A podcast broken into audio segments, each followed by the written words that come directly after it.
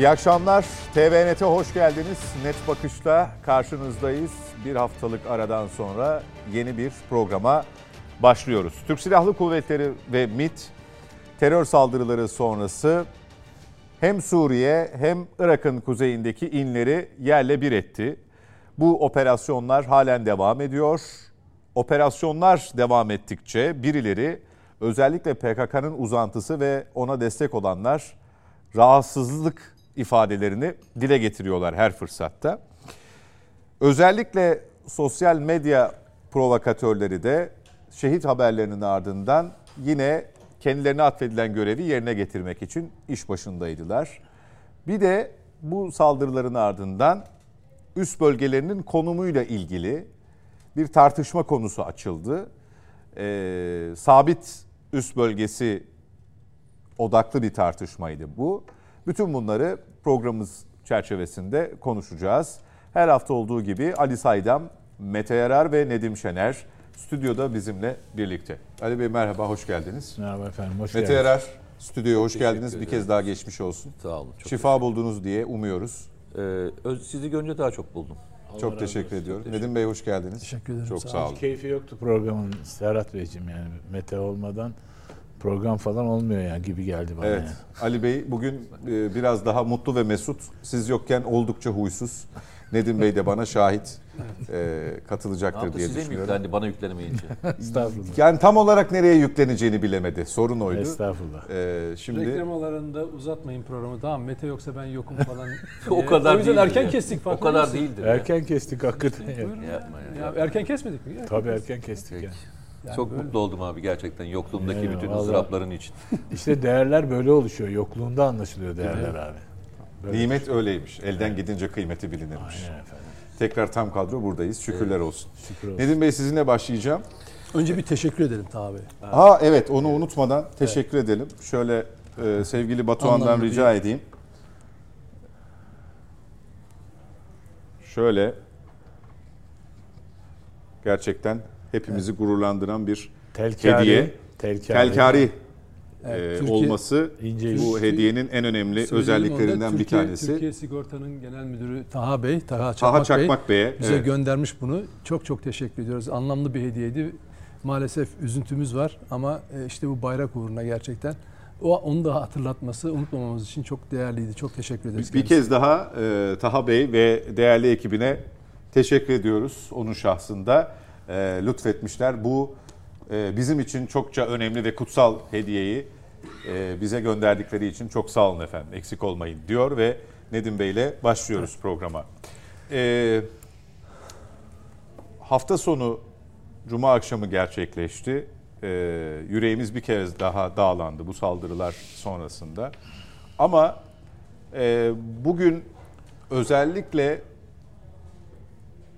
saldırının yapıldığı nokta üzerinden Mete'nin konusu ama yine harita üzerinde anlatacak bize uzun uzun. E, 40 yıllık aynı mücadele, aynı terörle mücadele yöntemleri, işte güvenlik öncelikli politikalar falan laflarını duymaya başladık. Tabii. Daha önce duymuyor muyduk? Duyuyorduk ama sanki bu saldırının ardından böyle nerede hata yaptık? Biz aslında hata mı yapıyoruz? İyi bir şey yaptığımızı zannederek hata mı yapıyoruz gibi sözler öne çıktı. Sebebini neye bağlıyorsun? Belli Şöyle. bir kaygıyı mı taşıyor bu? Tabii bu şöyle, yorumlar. Mete bize hem taktik olarak oradaki hem askeri olarak çok iyi okumasını en iyi yapanlardan, en iyi yapan hatta e, askeri uzmanlardan birisi. E, ben politik olarak tam dediğiniz şey aslında neye karşılık geliyor onu biraz anlamaya çalışıyorum. Okuduklarımdan bunu e, yorumlamaya çalışıyorum. O da şu, e, terör 40 yıllık bir terörle mücadele tarihinde hep aynı şeyi yapıyoruz diyenler zaten baştan bu konuyu hiç bilmediklerini gösteriyorlar. Aynı şeyi yapmıyoruz. İlk defa 1980'li yıllardan beri ben e, eğer daha önceki şeyim varsa var hatırlayan varsa ama Özal e, şeye e, bu dağlık bölgenin aşağısına düze Irak'ta düze inmek gerektiğini söylediğinde hatta bu askeri operasyon için bir genelkurmay başkanı istifa etmişti. Zannederim Öztorun değil mi? Ee, yani yapmak istememişti o günkü. Ben yani hiçbir e, komutanımızı şey yapmak istemem ama o günkü çekincesi hem belki askeri olarak hazır olmayışımızdan ama aynı zamanda üzerimizdeki NATO baskısını, 80'li yılların NATO baskısını e, askeri darbe yapılmış hemen sonrası e, ve sivil bir hükümet olmasına rağmen Özal bunu yapacak kudrete sahip olamamasına bağlıyorum. E, asla böyle bir hainlikmiş, keşke yapsaydı, niye yapmadı, kötü yaptı falan demiyorum. O zaman eğer yapsaydı o öyle şerefli askerler e, mutlaka gereğini tamamlarlardı. Ama e, süreç bizi buraya kadar getirdi. Ne, nedir o? Suriye bizim 15 Temmuz 2016 bunu söyle, söylerken rahatsız ediyor muyum bilmiyorum ama birçok insan rahatsız olduğuna eminim. Olsun onları rahatsız etmeye devam edeceğim. 15 Temmuz 2016 Türkiye için politik, askeri, uluslararası, Kırılma. bölgesel aktör olma bakımından gerçekten bir dönüm noktasıdır. Sadece bir darbeyi engelledik. Basılmış meclisimizi açık tutmayı başardık. Bu millet 252 şehit verdi. Sivil. Ee, o yönüyle anlatmakla beraber öbür taraftan o dönüşümü de tarif ediyor. Nitekim hemen ondan sonra bir ay sonra içeriden ihanet e, yemiş bir Türk Silahlı Kuvvetleri bir ay içinde e, Fırat Kalkanı operasyonunu e, gerçekleştirdi ve biz artık Suriye bölgesinde terör örgütünün inisiyatifi ya da Amerika onun işbirlikçisi inisiyatifinden çıkıp kendimiz e, oyun kurar hale geldik o bölgede. E, diğer taraf Irak ise maalesef biraz e, Barz, Irak hükümetine ve Barzani'ye güvenmenin de biraz da sonuçları. Tabi arazinin arazi de onlardan yana çalışıyor. Yani Kandil, Kandil dediğimiz e, bölge bütün aslında şu haritaya baktığımız zaman nasıl bir e, korkunç coğrafi şartlarda mücadele verildiğini gösteriyor. Şimdi dolayısıyla e, Suriye'den sonra Irak'ta da Türkiye önemli bir güvenli alan, güvenli bölge oluşturma aşamasında 30 kilometreye kadar elbette ki yıllardan beri emperyalizmin uşaklığını yapan, onun sözcülüğünü yapanlar bundan rahatsız olacaklar. Tıpkı terör örgütü gibi. Çok doğal. Dolayısıyla hani bir şeyleri bir şey, bir şeyin kapısından geçmek üzereyiz.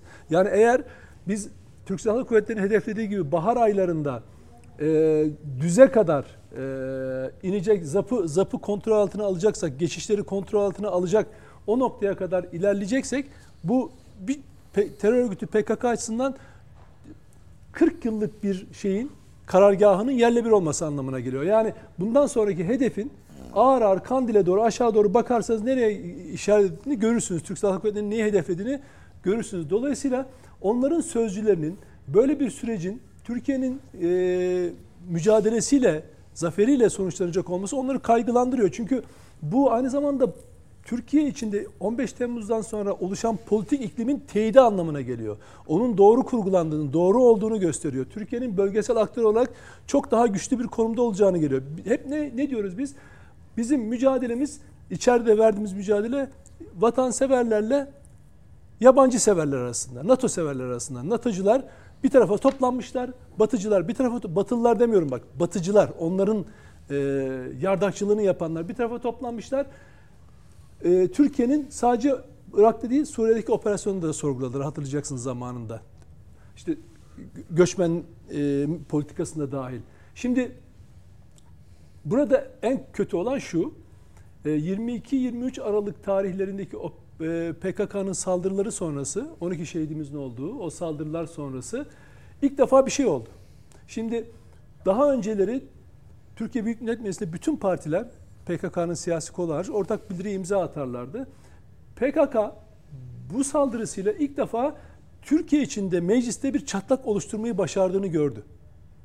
Yani 22-23 Aralık e, saldırısından sonra hiç umulmayacak şekilde yani ben her şeyi beklerdim ama sadece iki paragraf, paragraf bir bildiriye terörü kınayan, birliği, beraberliği e, onaylayan, olumlayan bir bildiriye, İyi Parti'nin hazırladığı bildiriye imza atmama CHP tarafından imza atılmaması o çatlağı bize gösterdi. O günden sonra farkındaysanız ben mesela bu bu saldırısını, ikinci saldırısında 12 Ocak saldırısını da bu çatlağı daha da derin, daha da derinleştirme çabası olarak görüyorum PKK'nın. Çünkü sonuç aldığını gördü.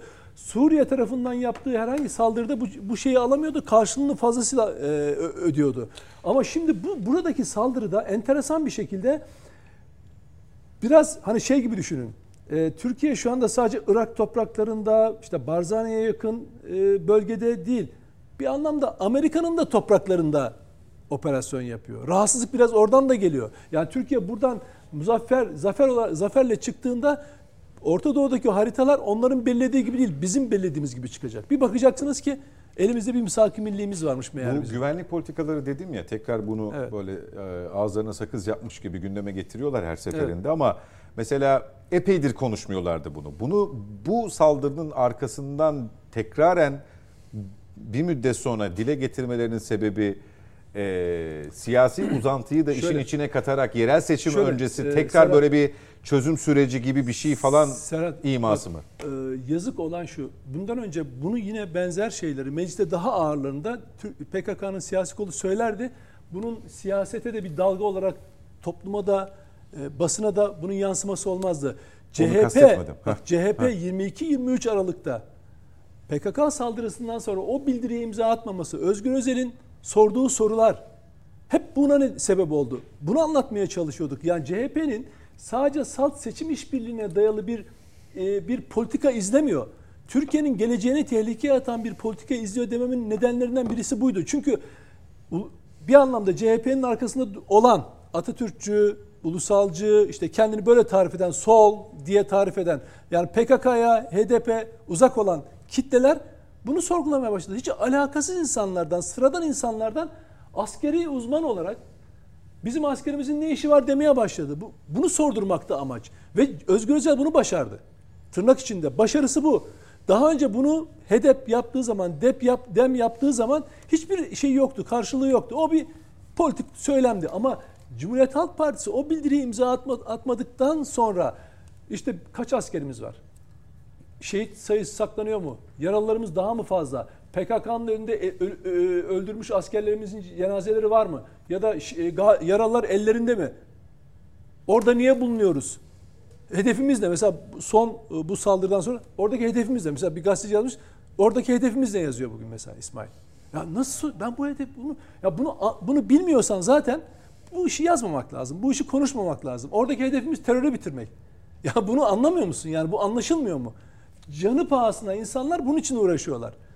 Öyle Yani deyince de bitiremiyoruz işte diyorlar. Hayır. Bakın terör örgütü zaten bakın bizim şu terör örgütünü birisi de öyle yazmış. Yani işte Deniz'in yani şeyinde diyor ki ne yani diyor işte diyor demir kapatırsanız veya işte Demirtaş e, ömür boyu hapiste kalsa terör biter. Hayır.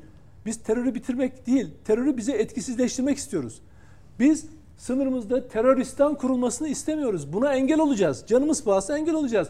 Zaten bu terör örgütünün kumandasının başkasının elinde olduğunu biz biliyoruz. Amerika Birleşik Devletleri o eline verdiği silahı almazsa bu terör örgütü bitmez. Biz hep bunu biliyoruz. Mesela FETÖ'yü bitirebiliyor muyuz?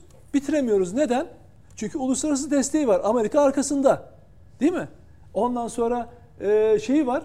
Nedir onun adı? Siyasi olarak destekleniyor. Hep bir taban buluyor. Bakın aynısı PKK için de geçerli. Amerika arkasında, Avrupa arkasında, içeride mecliste uzantısı var. Şimdi bu şartlarda terör örgütü zaten bitirilemez. Ama bize zarar vermesi engellenebilir. Bizim sınırımızda e, kümelenmesi, bir terör yapılanması oluşturması engellenebilir. Türkiye de bunun için uğraşıyor. Yoksa yani e, normal şartlarda düşünün. Amerika istemediği sürece PKK'nın, YPG'nin varlığı sonlanabilir mi? Yok. Onlar ama eğer bu desteği arkasından çekerse öyle olmuştur zaten. Yani Cumhuriyet kurulduğu zaman da bazı ayaklanmalar, isyanlar var ya. Arkasında İngiltere'si, Fransa'sı vardı. Onlar arkasından desteği çekince nerede buldular kendilerini? Dar ağacında. Terör örgütleri de böyledir. Eğer arkasındaki güç çekilmezse yani o bizim aslında mücadele ettiğimiz o. Niye bu saldırı sonrası en çok Amerika'nın rolünü konuşmaya başladık? Artık şunu biliyoruz. Buradaki saldırıları yapacak PKK'nın e, geleneksel gücü bunu buna yetmiyor. Bunu aşan, bunu aşan bir yardım alması lazım, lojistik alması lazım. Yani Meten hep anlatıyor ya termal e, ürünler kullanması lazım. E, yer belirleme konusunda destek alması lazım. Çünkü bizim askerlerimizin ona göre tertibatları var değil mi? Ama bunu aşan bir şey var orada, bölgede güç var. O güç ancak e, onun sahibi olan Amerika tarafından veya Mossad tarafından gerçekleştirilir. Şunu unutmayalım bakın. Barzani, şimdi birileri hep bu Barzani konusunda şey yapıyor. Ben hep şerh koyuyorum. Şundan dolayı orası 1960'lardan beri Mossad tarafından kurulmuş bir yapıdır. Bakın Mossad tarafından kurulmuş bir yapıdır. Bugün PKK'nın arkasında da aynı güç vardır. Zannetmeyin ki bu Amerika Amerika Birleşik Devletleri kendini toparlayacak hali yok. Adamın altına oymuşlar. Tüneller kazmışlar. Fiilen de tüneller kazmışlar. Adamın haberinde haberi yok. Onlar günlü kurtarma işte da, şeyin okyanusun üzerinde şilebi yüzdürme derdindeler. Alt tarafında ne oluyor? Su nereden geliyor falan. Erdoğan diyor ya borcunuz var size onlara. O sadece İkinci Dünya Savaşı'ndan kalma bir borç değil yani. O soykırım olayından borç değil. Başka ekonomik o İsrail lobisi dediğimiz şey var. Burada ise biz bu bölgede 1960'lardan beri lütfen internete hep bunu söylerim insanlarımıza. O Barzan dediğiniz adamın babasının Mossad ajanlarıyla eğitim sırasında, nakliye sırasında, eğitim sırasında çekilmiş fotoğraflarını birbirleriyle ilgili yazışmalarını lütfen internetten indirin ya. Kitap falan almanıza gerek yok. Buradaki yapılanma da şimdi PKK'nın PKK da aynı şeyin e, gücün etkisinde. Dolayısıyla bizim karşımızda aslında o büyük İsrail projesinin peşinde koşan İsra şey var. E, Yahudi lobisi, lobisi var, var ve onun yardakçısı da işbirlikçisi Amerika var. Peki Mete Yarar bu saldırı yapılış şekli itibariyle bakıldığında sipariş bir saldırı mıydı? Sana göre. Kesinlikle sipariş bir saldırı. Diyeceksin ki nereden anlıyorsun? Nereden anlıyorsun? Şimdi bir doktor bir yere baktığında mesela bu hatırlarsan virüsler çıktığında o dönemde bazı bu işle ilgili ilgili doktorların çoğu ne dedi? Bu laboratuvarda üretilmiş bir virüstür dedi. Hatırlıyor musunuz? Sebebi neydi? Daha önce karşılaşmadıkları şey. hızlandırılmış şekli, daha önce karşılaşmadıkları bir e, çıkış şekli, bir sürü değer vardı.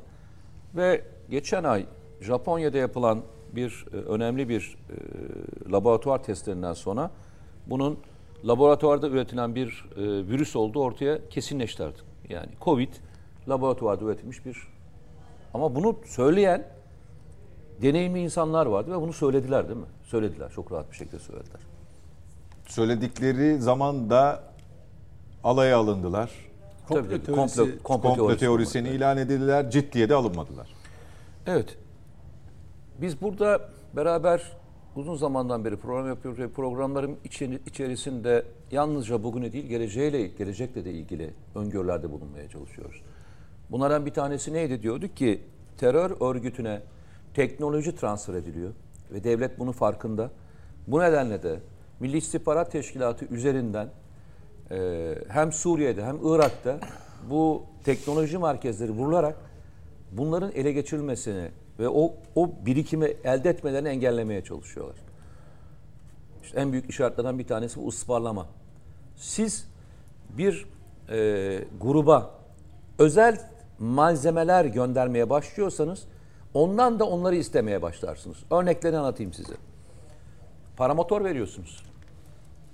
Diyeceksin ki paramotoru her taraftan alabilirsiniz.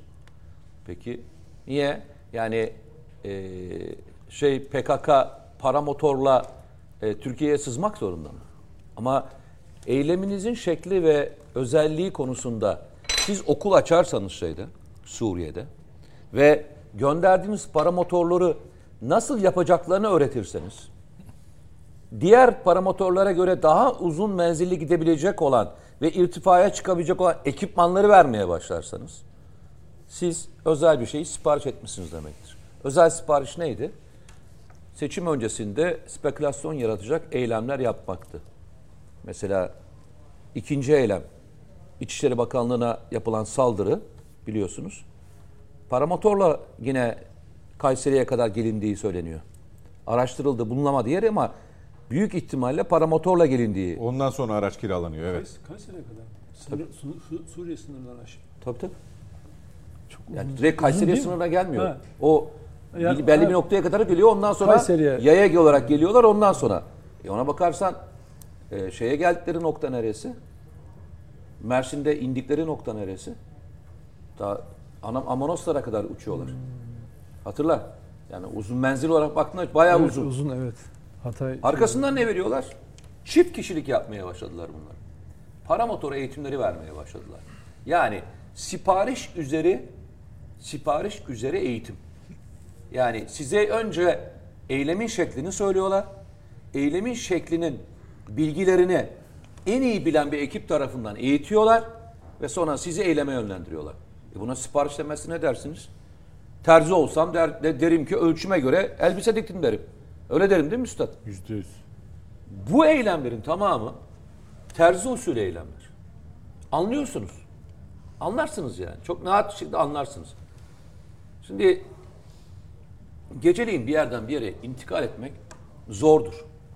Bir defa bu eylemlerin sonu geri dönüşü olmayan eylemlerdir. Neden? Siz yaklaşırken, yaklaşırken eyleme, terör eylemine giderken görünmeyebilirsiniz hava şartlarında. Ama çatışma çıktığı andan itibaren artık alarm çalmıştır ve geri dönüş şansınız yoktur. Sizi sizi bir intihar eylemine teröristleri gönder, göndermeleri için birisinin bundan bir çıkar elde etmesi gerekir. Bu çıkar nedir? Türkiye'nin gündemini değiştirmek mi? Türkiye'nin Irak ve Suriye'deki konuşlanmasını mı sorgulamak mı? Türkiye'nin e, terörle mücadele stratejisini mi sorgulamak? Onlarca şeyi hedefleyebilirsiniz. Ama ben size söyleyeyim. En önemli şeylerden bir tanesi Ankara'da çok daha fazla ses getirmek. Bunun, bu eylemin yapılış şekli, bak yapılış şekli, eylemde kullanılan metotlar tamamen eylemin ne kadar büyük bir sansasyonel eylem sonuca götürmek için. İlkinde yaklaşık eyleme karışanların neredeyse tamamı öldürüldü. Çıkamadılar çünkü sağdan. Sağdan çıkamadılar. Ama sağdan çıkmadan önce verdikleri verdikleri mesaj Ankara'da anlaşıldı. Devlet tarafından söylemiyorum. Birilerine verdikleri mesajı anladılar. Birileri tarafından verilen mesaj al- algılandı. Çünkü birileri konuşmaya başladı. Çünkü konuşma şekliyle anlıyorsunuz. Ya bana söyler misiniz arkadaşlar? Bugün Irak sınırındaki toplam operasyonun büyüklüğünü bana biriniz bir tarif edebilir misiniz? Bir tahmin edin bakalım. Ne kadar büyüklükte bir alanda operasyon icra ediliyor abi? Kaç kişiyle olduğunu tahmin ediyorum da. metre- Kişi söyleme kilo- abi. Kilometre kare mi? Kilometre kare. İp- İpucu- şeyden mi? 200 Kopya da çekme. 30 200-300 metrekareye kilometre 30, 30 şu- kilometreyi 90 şey 900 kilometreyle Yok çarparsan Suriye'yi katmıyorum ben. Irak'a katıyorum. Irak için söylüyorum. 400 kilometre desek 400 çarpı 30 olsa e, 100, Ben size biraz daha kolaylaştırayım işinizi. 12 bin kilometre. E, sorunlu 12 bin problemli kilometre. alan yaklaşık 300 kilometredir. 378 kilometredir Irak sınırı ama sorunlu düz alan olmayan alanın başladığı yerler Zaun'un biraz daha yukarısından başlar. Yaklaşık Güzel. 300 kilometre. 300 300 çarpı 40. 300 çarpı 12 bin. 300 çarpı 40 12 bin kilometre kare. Arkadaşlar 12 bin kilometre kare ne kadar büyük bir alan biliyor musunuz? Çok. Kıbrıs adasının toplam büyüklüğü 9 bin kilometre kare. Evet. Ve bu Ondan bunu sonra buradan name yapıyorlar. şimdi Kıbrıs'tan daha büyük bir alan. Kıbrıs'tan daha büyük bir alandan bahsediyoruz. Ve tamamen dağlık bir alandan bahsediyoruz. Ee, bunu biraz detaylandıracağız. Yani Şu hayır şunu sor- sorabilir miyim? Hayır, araya tamam, gireceğim. buyurun. Hayır, tamam. Araya Dedin ya hayır hayır araya gireceğim. Şu anlamda söyledim. Konuşmaların da şekline bakınca anlıyorsunuz dedin Anladım. ya. Anlıyorsunuz. Terzi usulü siparişe bu şekilde konuşma şekli dahil mi? Tabii dahil. Tabii dahil. Tabii dahil. Hiçbir psikolojik harekatın burada üstadı var. İletişim stratejisini Belirlemeden. iletişim stratejisini Belirlemeden. belirlemeden hiçbir eylem yapmazsın. İster bankacı ol, İstersen- istersen istihbarat bilimi ol, ister silahlı kuvvetler ol, istersen siyasetçi ol. Önce neyi yapacağını bileceksin ve onun sonucunda ne konuşacağın da elinde bir plan dahilinde olması gerekir. Bu olmadan olur mu ya? Şöyle mi başlıyorsunuz? Terör örgütü seçim öncesi en büyük yaygarası neydi? Hatırlayın. Diyordu ki bir an önce bir an önce ne yaparsanız yapın bizi bu sıkışmışlıktan kurtarın. Neredeyse bütün terörist başları tamam mı? Hepsinin açıklaması birebir kopyaydı. Ne yaparsanız yapın. Gerekirse iktidarı değiştirin. isterseniz sokak eylemleri yapın. isterseniz ormanlara yakın. Ne yapıyorsanız yapın. Ama muhakkak Irak'taki bu operasyonu durdurun. Bitiyoruz. Bizi bitiriyorlar. Bitiyoruz. Şimdi bana şöyle söylesene. Ben hiçbir şey bilmiyorum. Ben silahlı kuvvetler mensubu değilim. Operasyonda bilmiyorum. Bu işten de hiç anlamıyorum. Tamam mı? Ama birisi bas bas bağırıyor. Birisi bas bas bağırıyor. Bağırış şeklinden anlarsın değil mi? Bunun canı yanıyor mu yanmıyor mu? Abi terör örgütünün en çok istediği konu bu operasyonların bitmesi. Bu operasyonun bitmesi. İHA SİHA düşmanlığı da oradan geliyor. Efendim? İHA SİHA düşmanlığı da oradan geliyor. Tabii. Bir sürü şeyi üst üste koyarım ben size. Ya diyorum ya hiçbir rastlantı değil dediğimin Özür dilerim hani seçim öncesi diyorlar diyor İHA'lara dokunacaklar, bayraklara Tabii, tabii. do- Niye do İşte o da dediği psikolojik savaşın unsurları hepsi. Şimdi geçen Üstad'la beraber beraber televizyon programındayken ben şunu söyledim. Bundan 10 sene önce, 15 sene önce görev yapan insanlara deseydiniz ki bana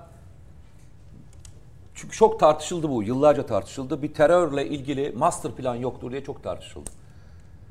Yani günlük taktik başarılar elde etmeye çalışıyor. Master planımız yok diye. Peki ben buna inanmıyorum da. Hadi Pardon, master planı bir- yok diye kabul edelim. asimetrik savaşa hazır değiliz diyorlardı. Bir sürü şey dediler de hadi. Biz onların netlerini kabul edelim. Master plan yapın deseydim. Doğru. Tamam mı? İlk söylenecek şeylerden bir tanesi arkadaşlar bu işi profesyonel bir orduyla yapalım. Bu ki ben bunun e, bunun doğru olmadığını biliyorum.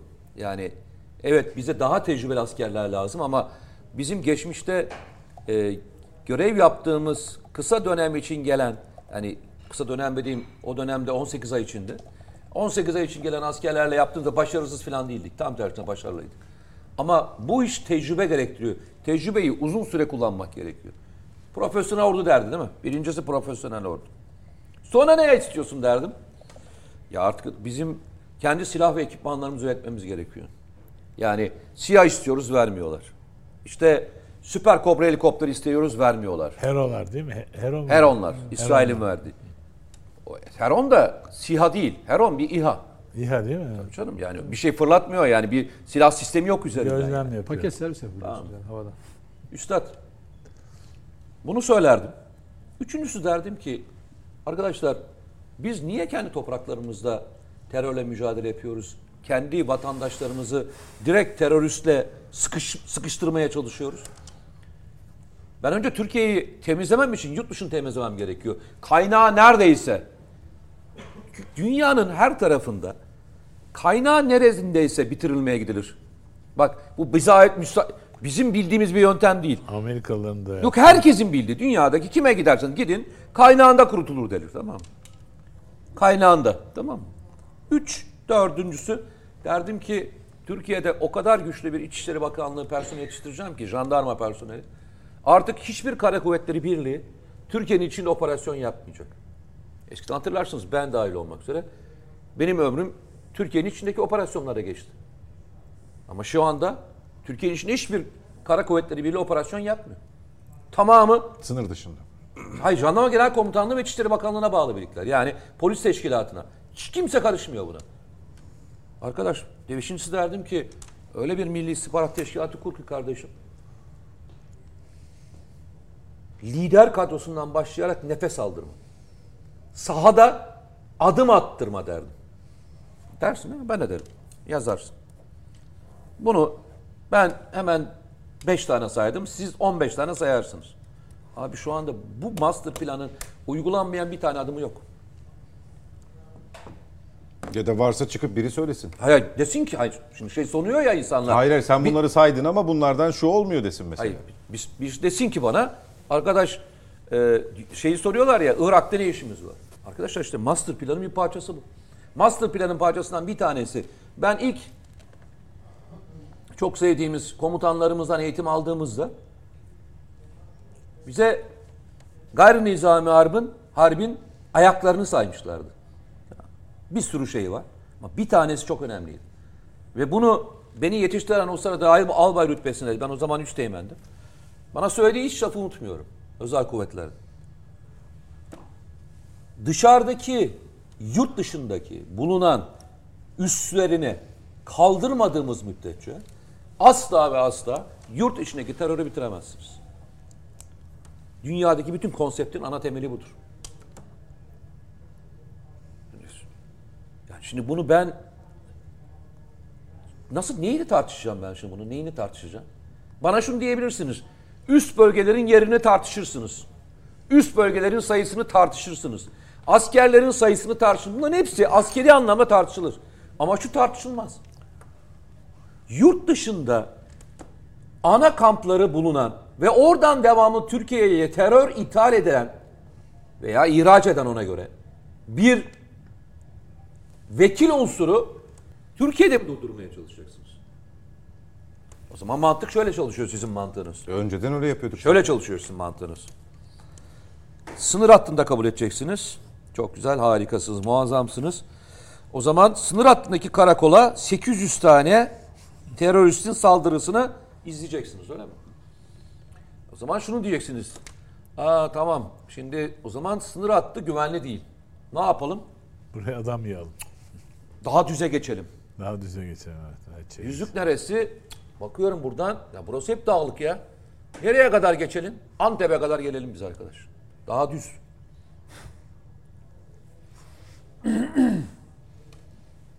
yani şimdi kafamın du- almadığı, bakın her şeyi Suriye sınırında Akçakale'de al- artan saldırılar onun fragmanı gibi değil miydi?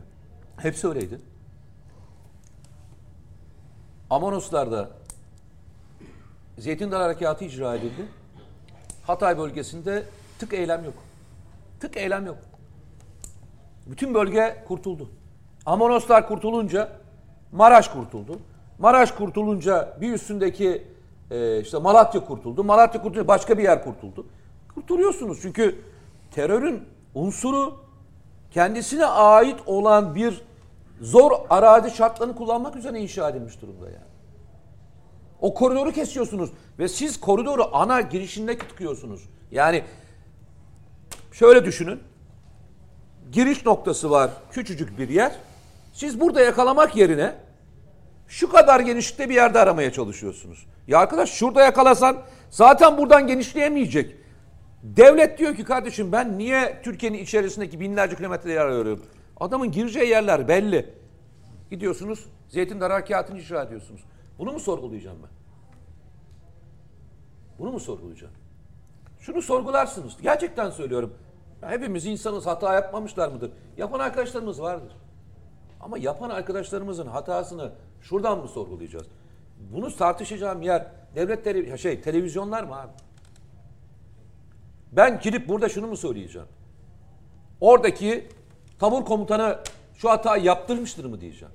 Ya bunun başında Tugay komutanı var. Bunun başında Tümay komutanı var. Bunun başında işte ne diyeyim ordu komutanı var. Kara kuvvetleri komutanı var. Sıralı bütün komutanları var. O senin dediğini çıkıp açıklasınlar hata yaptık desinler. Ya yok diyorlar. onu şunu Öyle söylemeye deyince. çalışıyorum. Ya ilk harekatta tabur komutanı yaralı olmuş olmasına rağmen bu kadar bir kuvvetin saldırmış olmasına rağmen terör grubunun yaralı olması olmasına rağmen bırakmıyor operasyonu. Sonuna kadar sevk ve idare ediyor. Yaralı olmuş olmasına rağmen. Aynı soğukkanlılığını muhafaza ediyor. Müthiş. Şimdi arkadaş Müthiş. yarım yamalak bildiklerimizle yarım yamalak bildiklerimizle bir şey konuşmaya başladığınızda onarmazsınız, yıkarsınız ortalığı. Şimdi bir şey söyleniyor. Ben de açıyorum konuşuyorum insanlarla. Ben de açık konuşuyorum. Mesela diyorum ya bir, bir konu konuşuldu diyorum. Bu konunun gerçeği var mı? Yetkililere soruyorum. Sivil insanlara konuşuyorum. Hatta bazen şunu söyleyeyim. Hükümete yakın olmayan ve en ters konuşma yapan, yapacağını bildiğim, televizyonda olmayan insanları arıyorum. Bunların bir kısmı savunma sanayine çalışıyor. Uzman kişileri arıyor. Uzman kişiler. Hiç şeyle alakası yok. Soruyorum ya. Diyorum ki ya, ya üstad diyorum böyle bir bilgi var. Bu bilginin gerçekten kaynağı doğru mu? Adam şey bu işin başındaki adam yani. yani üretim yapan fabrikaların başındaki adamlar bunlar. Ve biliyorum muhalif olduğunu da biliyorum yani. Vatansever, çalışkan, düzgün insanlar yani. Muhalif olmak kötü bir şey değil anlamda söylemiyorum. Hani hep diyorlar ya hep aynı kişiye soruyorsunuz. Yok soruyorum ya. Herkese soruyorum. Ya bizim diyorum bilmediğiniz bir şey varsa lütfen söyleyin. Böyle bir silah ve ekipmandan bahsediyorlar. Ya diyorlar yok öyle bir şey. Yani ama diyorum ya sizin isminiz geçiyor. Diyorlar ki yani isminiz geçiyor ama o özellikler o özellikler değil. O o değil. Şimdi bir tane şey söyleniyor. Bir tane konuyu alıyoruz abi. Bir konuyu alıyoruz.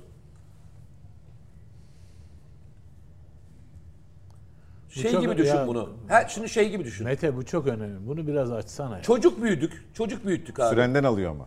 Efendim? Sürenden alıyor ama. Alsın benim süremden şey çok önemli. Bu Bak, çocuk işte büyüttük bilmem hepimiz. ne olsaydı şöyle olurdu falan diye böyle akıl yürütüyorlar Hepimiz ya. çocuk büyüttük. Her çocuk birbirine benzer mi abi? Yok. Kimisinin e, ateşi daha fazla ateşlenir, daha fazla acıkır. Birisinin hazım problemi daha fazladır. Birisinin gaz problemi var. Yüzlerce problemi vardır değil mi? Kimi senin torunun gibi olur, kimi Ceyhun'un çocuğu gibi olur. Bir sürü şey vardır abi. Birbirinden farklıdır abi. Çocuk büyüttüysen bütün çocuklar aynı çocuklar mıdır? Yani terörle mücadele yaptık diye hepimiz bu işin piri mi olduk arkadaşlar ya? Geçmişteki ordu değil, geçmişteki Milli İstihbarat Teşkilatı değil. Şimdiki teknoloji birbirinden farklı. Ben hala geziyorum, hala girip çıkıyorum. Her defasında eğitimlerine katılmaya çalışıyorum. O bütün silah ekipmanları kullanmaya çalışıyorum. Gidiyorum, görüyorum. Abi ben bir şey söyleyeyim mi?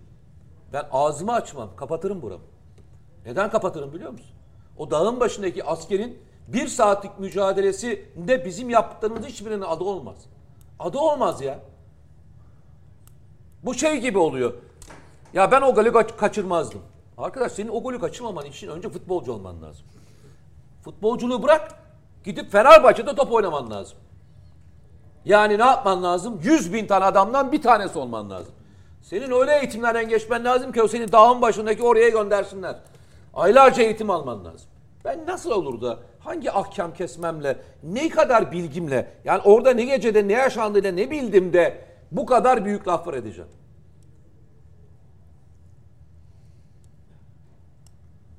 Ya benim dönemimde ekolü olan komutanlar vardı.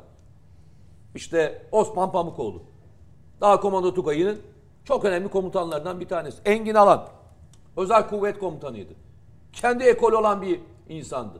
Kemal Paşa. Engin Alan'dan önceki özel kuvvet komutanıydı. Hepsinin kendine göre konsepti vardı. Herkesin kendine göre terörle mücadele ilgili uygulaması vardı. Uygulaması vardı. Ve kendilerine göre de uyguladılar ve kendilerine göre de başarılı oldular veya başarısız oldular.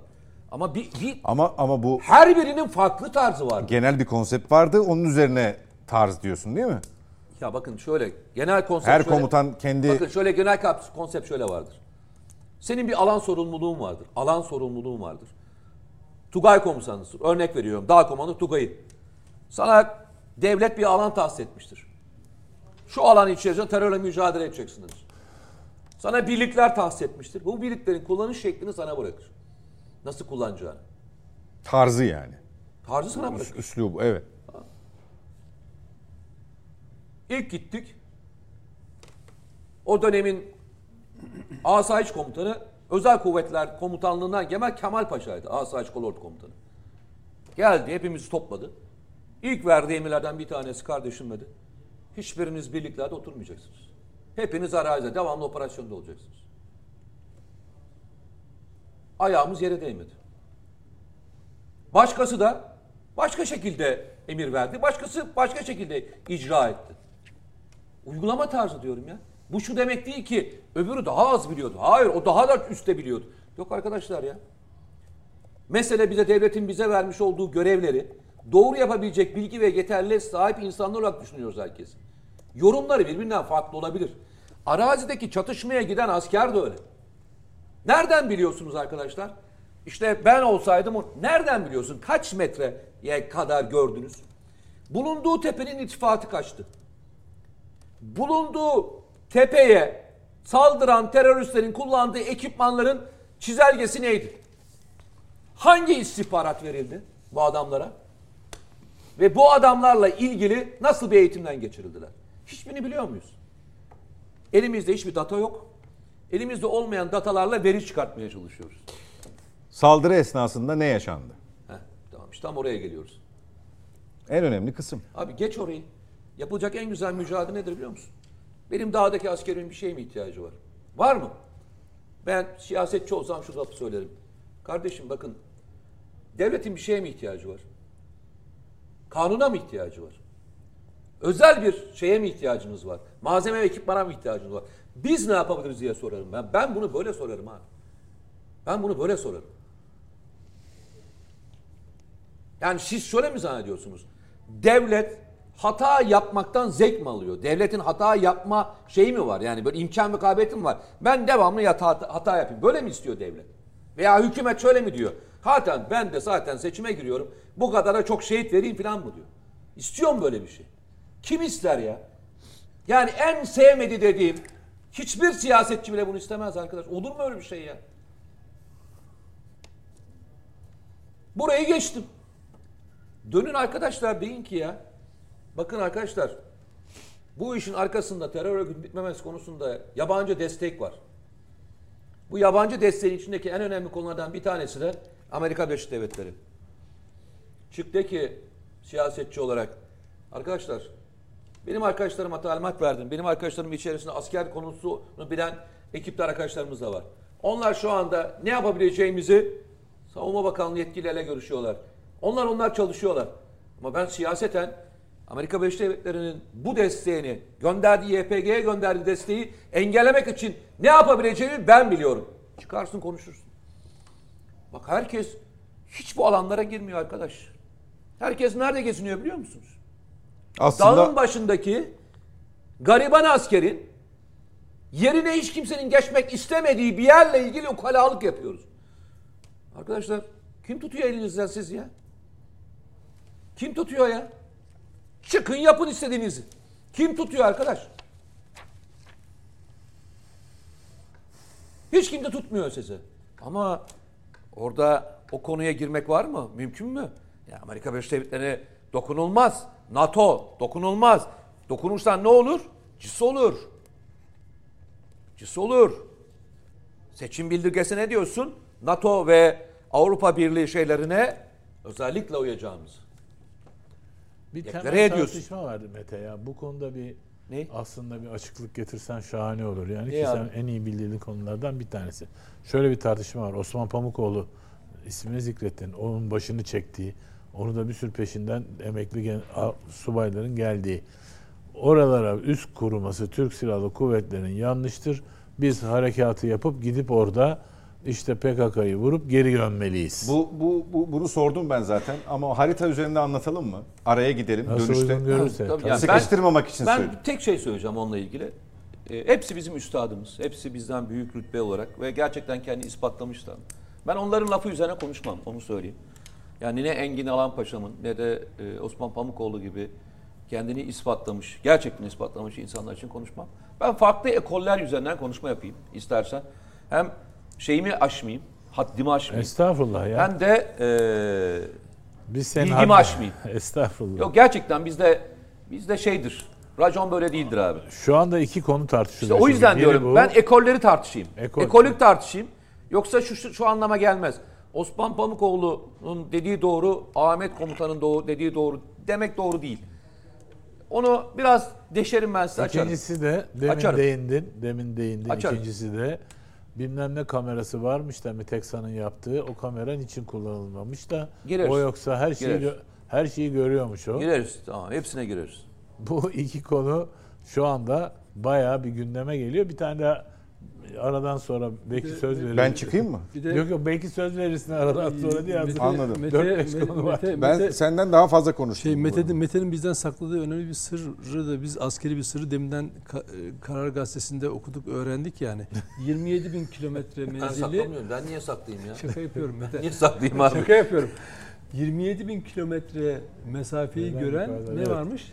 Radar. Radar. Radar varmış. Bundan da bahsetmeni özellikle hasreten rica ediyorum. Ee, Ben kibrit kutusu diye Onun duydum. onun meta- metaforu da var. Bisküvi kutusunu görecek derecede bir teknolojiye Bu arada sahibiz. 27 bin kilometre şey- 27 bin 27 bin kilometre dünya yer, e, yer küresinin yarım yarısı kadar bir Yarısından fazla. fazla mı? 40 bin kilometre 40 bin, dünyanın evet, doğru. çevresi. Üçte birine geliyor neredeyse. Yani Evet, buradan Üçte ikisine denk geliyor. şey, ikisine geliyor. buradan az daha gitse tamamlayacak yani. şeyin yer kürenin diğer ucundakini görebiliyoruz. Nasıl bir radar onu artık Orada bir yani Uydu e, değil yani, yanlış orada bilgiden ziyade bir tahsih var gibime geldi.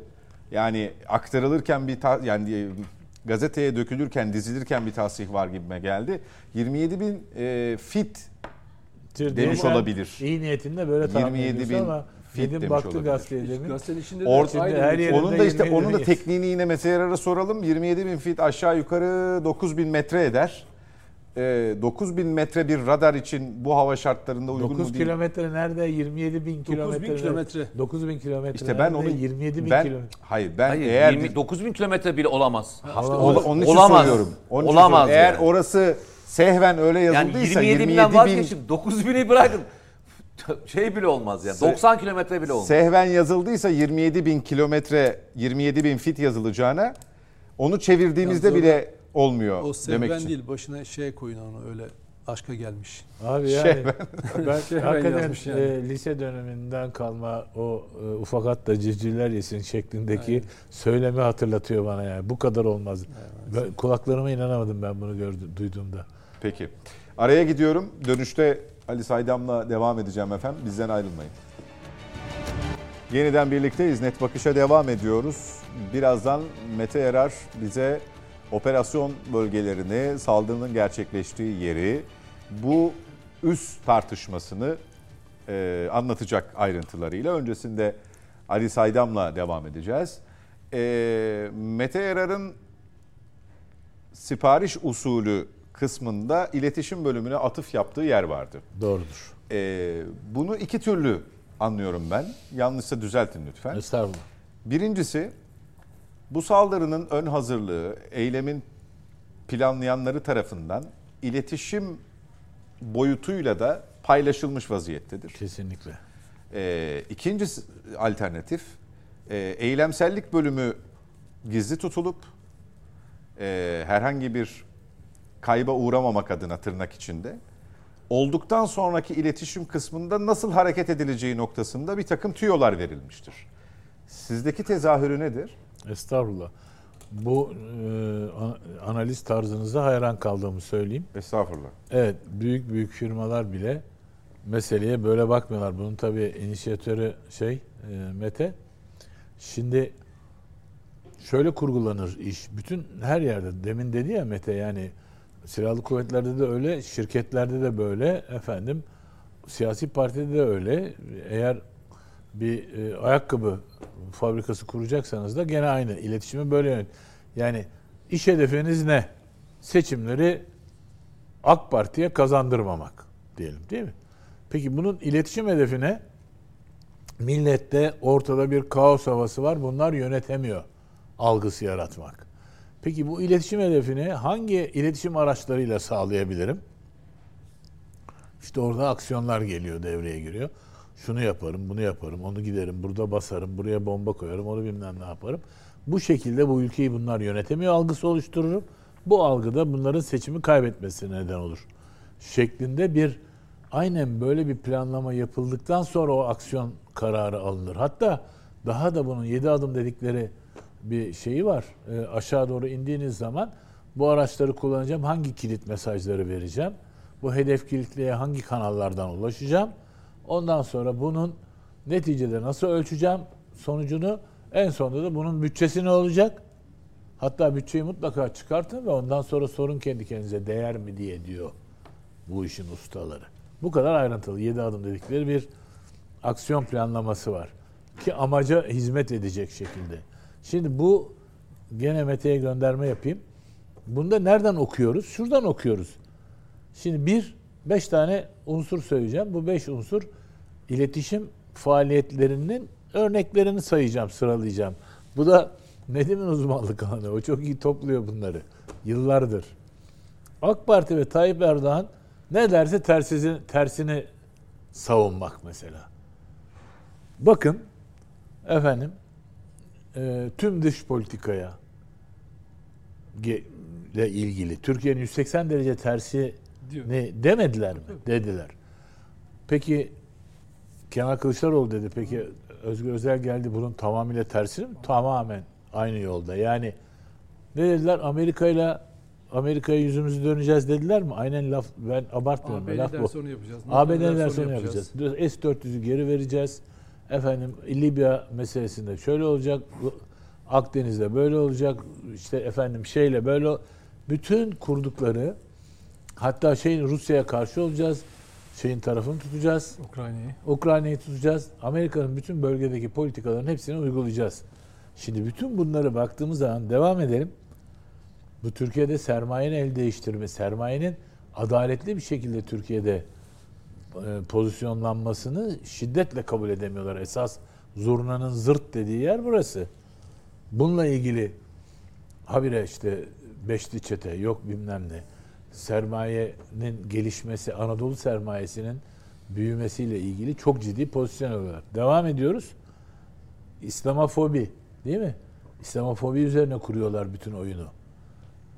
Yani bütün bunlar birleşiyor. Yani İslamofobi dediğimiz işte bunlar şeriat istiyor. Yok şeyde bağırtırılan adam e, Anıtkabir'de. A- aynı paydada toplamak. Tabii aynı payda bütün bunlar hep iletişim e, araçlarıyla ortaya konan durumlar. Bunları birleştirdiğiniz zaman bu aksiyonların nereden yönetildiğini ve nasıl yönetildiğini anlamanız mümkün. Yani sonuçta geleceğim en tabii ki belirgin olanla milli enerji ve maden politikasına karşı çık. Nedir o? İşte doğal gaz yoktur, alttan Rusya basıyor gazı. Efendim işte e, Gara'daki petrol yok, Yok. böyle bir şey yok. Bunlar uyduruyor. Oysa çok ciddi bir e, şeye varile gelmiş. Günlük 30 bin mi 40 bin mi böyle bir şey. Ondan sonra yok orada petrol. Yani milli enerji ve maden politikasını yok sayan bir yaklaşım biçimi veya işte bunun dışında bir de milli savunma sanayi. Bunu da yok et. Yani bununla ilgili o makettir, bilmem nedir, işte bu şeydir, joystick e, BİM'de satılıyor falan. Yani bütün bunları bile 5 tane madde saydım. Bunları birleştirdiğiniz zaman iletişim boyutunda ortaya çıkan proje ve yapılandırmayla bu e, PKK'nın operasyonları hain operasyonları sonrasında e, şehit düşülmesine sanki se- e, şey duymuşçasına e, bunu bir fırsat olarak görüp ulan iyi ki böyle oldu dercesine bunu kullanmaya kalkmalarını bütünleştirdiğiniz zaman sizin programı açarken sorduğunuz sorunun yanıtı ortaya kendiliğinden çıkıyor. Neydi sorunuz? Bu bir şey midir? Değil mi? Sipariş. Sipariş midir? Onun yanıtını vermek çok da böyle demin saydığımız unsurları birleştirin. Puzzle'ın parçaları gibi.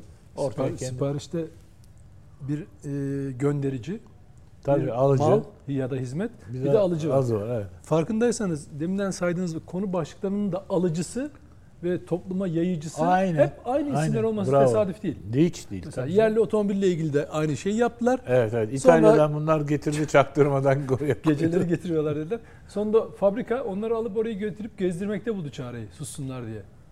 Yani Evet. Peki. Bu üst bölgesi tartışmasına biz de değineceğiz. Ee, Mete Yarar, e, Ali Saydam'ın sorusunu aslında e, kendi etik değerleri gereği e, bir görüş ayrılığı yansıtıyormuşçasına cevaplamamak için e, aslında bir durum e, analizi yaptı. Ama bir yandan da e, şöyle bir e, yorum mümkün. E, bu bana ait olsun.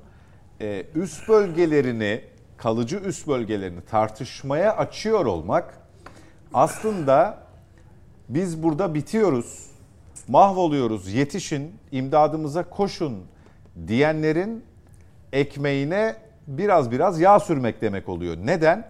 Çünkü üst bölgelerini tartışma konusu yapmak bu bölge bu üst bölgelerinin buradan e, burada kaldığı müddetçe biz şehit vermeye devam edeceğiz. Dolayısıyla bunları bir gözden geçirelim demek. Ben öyle anlıyorum açıkçası. Nedim Şener nasıl anlar, Ali Saydam nasıl anlar bilmiyorum ama e, ben Mete Yarar'a e, bu noktada böyle bir tüme varımla e, sözü bırakmak istiyorum. Operasyon bölgelerini getireceğiz ekrana harita üzerinde. Bir yandan da tabii o saldırının gerçekleştiği bölgeye konuş e, işaret edeceğiz, konumlanacağız. Öncelikle öyle başlayalım istersen Mete Yarar. Şöyle söyleyeyim.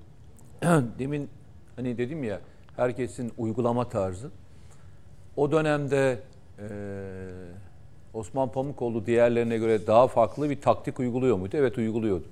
Onun önemli prensiplerinden bir tanesi üst bölgelerinde beklemek yerine daha çok hareketli alanlarda bulunmaktı. Devamlı hareketli. Sürekli arazide olmak. Arazide ve e, bunun için gerekiyorsa sınır ötesi operasyona da e, karşı tarafa geçmekti. Karşı tarafa geçmek. Ya onun en çok anlattığı örneklerden bir tanesi hatırlarsanız Şakuk bölgesidir. Çünkü Irak, Suriye, pardon, e, Irak, Türkiye ve İran üçgenindeki şu alan ana merkeziydi. Özellikle Şemdinli ve diğer bölgelerdeki baskınların için kullanılan alan Hakuk bölgesiydi. Şimdi bu bölgede zaman zaman karşıya geçtiği birçok operasyon var Osman Pamukoğlu Paşa'nın. Kendine göre diyorum ya, kendine göre oluşturduğu taktiğin ana felsefesi sabit durmamaktı. Mesela ilk emirlerinden bir tanesi ben hatırlıyorum. Ben ondan sonra gittim bölgeye ama onun ilk emirlerinden bir tanesi şeydi.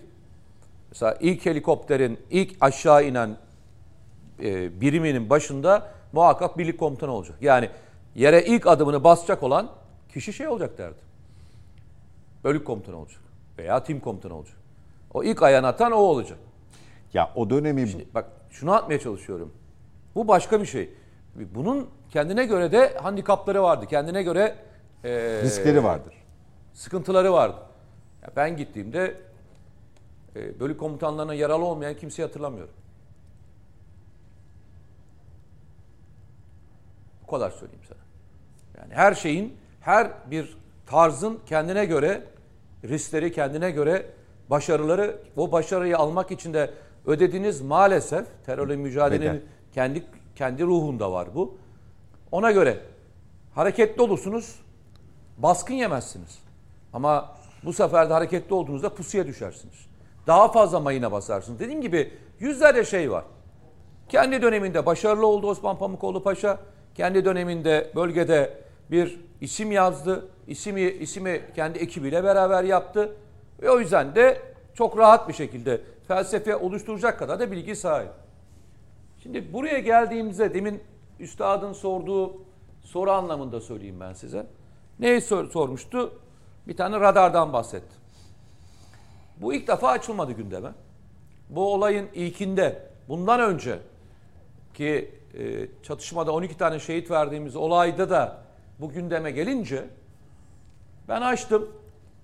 Bu e, sistemi üreten kişilerle de konuştum. Hatta bunun rakipleri olan firmalarla da konuştum.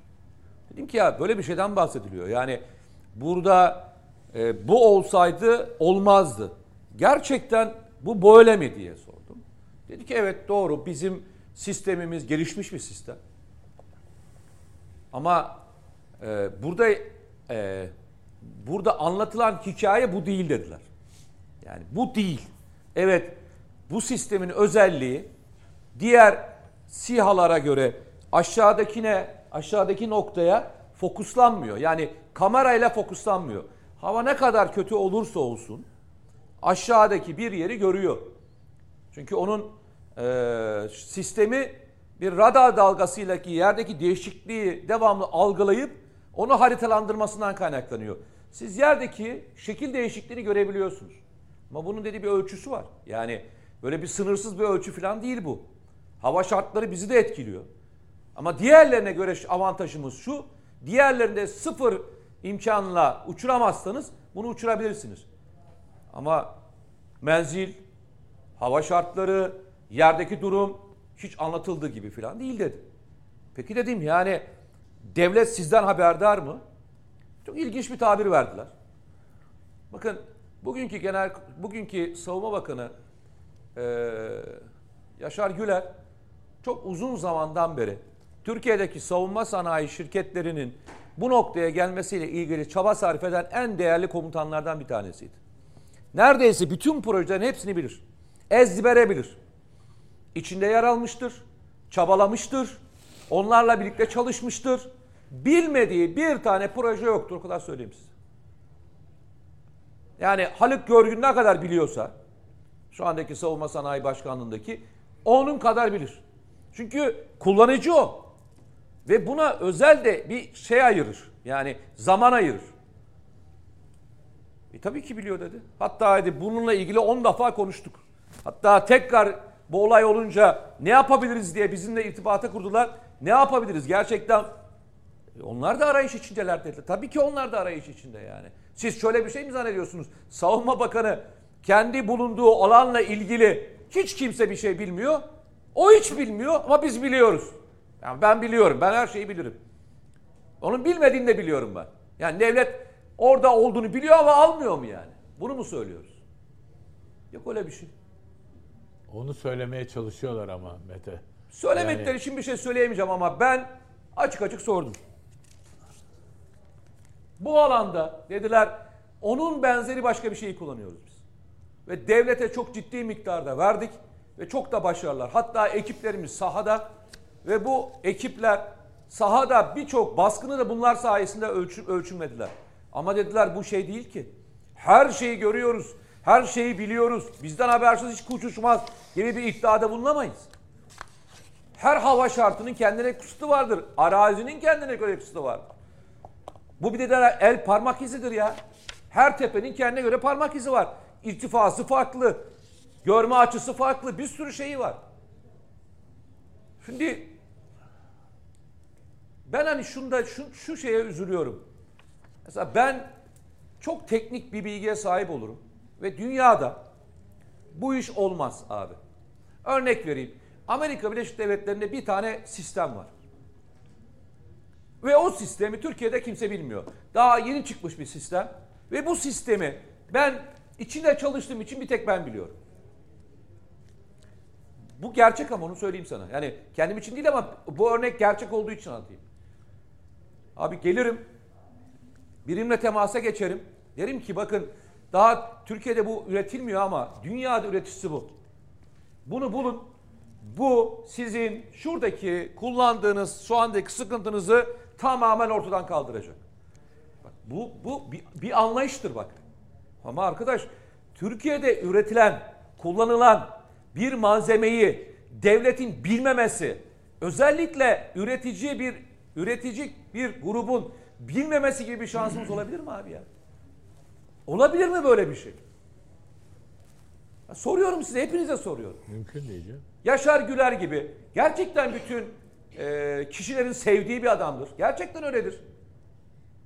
Yani her türlüsü sever. Yani Yaşar Güler'le ilgili olumsuz konuşan bir e, eski subay görmezsiniz. Aslan ile ilgilenir, e, silahlı kuvvetlerle ilgilenir, zamanını ayırır. Yani şey değildir, üstenci bir tavrı yoktur yani. İçindedir. Açan herkese telefonla konuşur.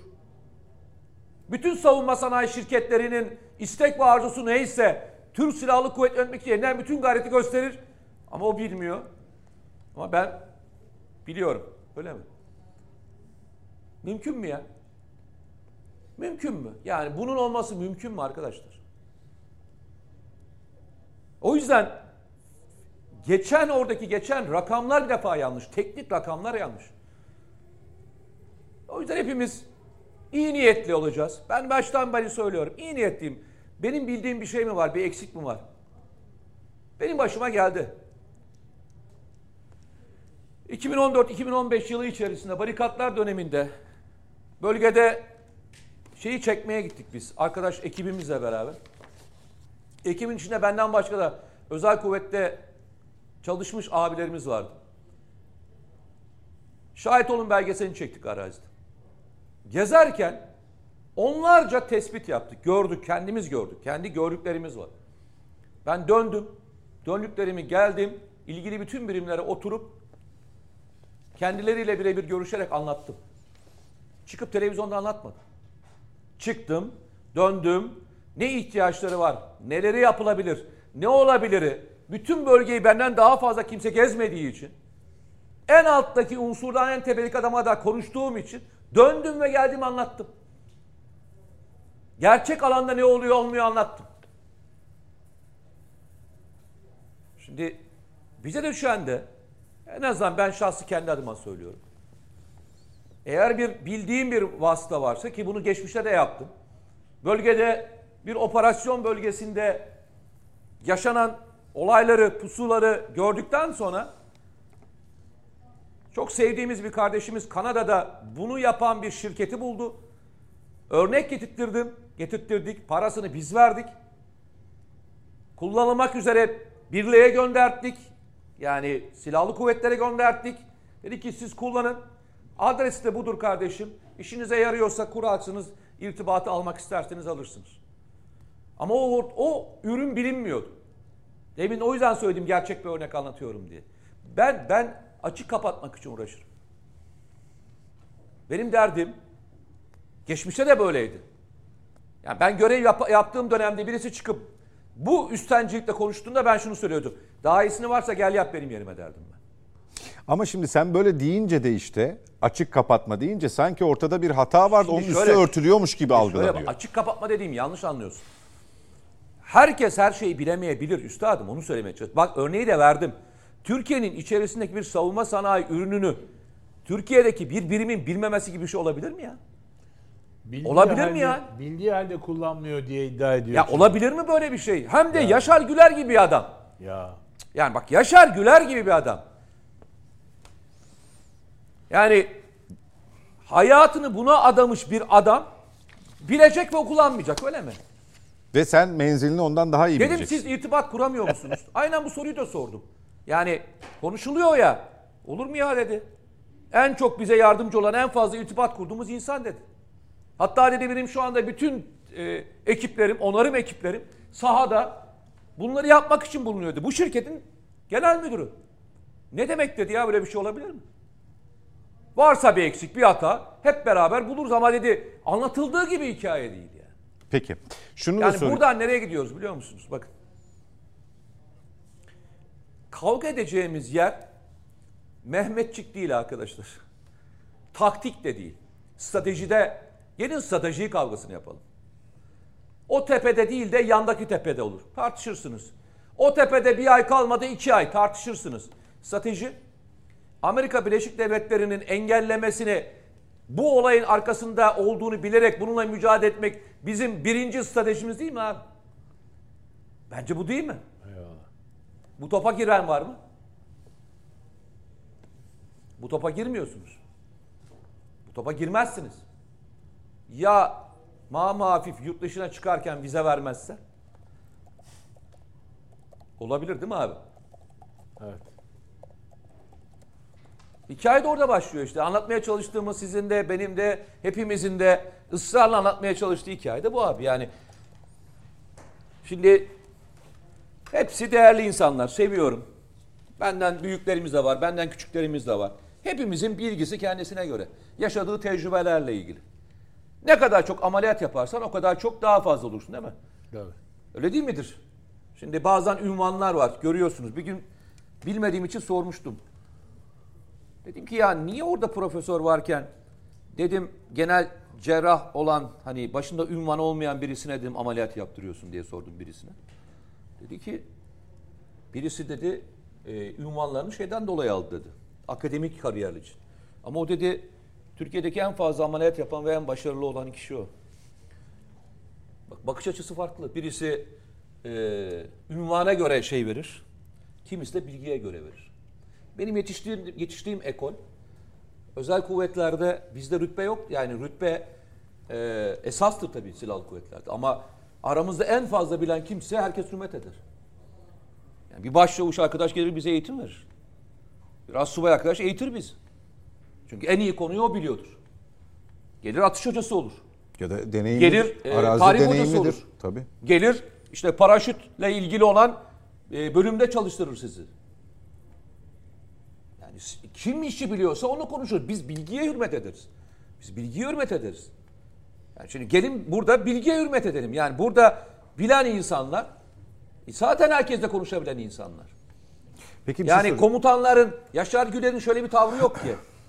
Eski komutanları silen, hiç umursamayan, onlardan değer almayan, göze, gözlem almayan, onlarla ilgili en ufak irtibat kurmayan, burnu bir karış havada, kimseyle de irtibat olmayan bir insan değil ki.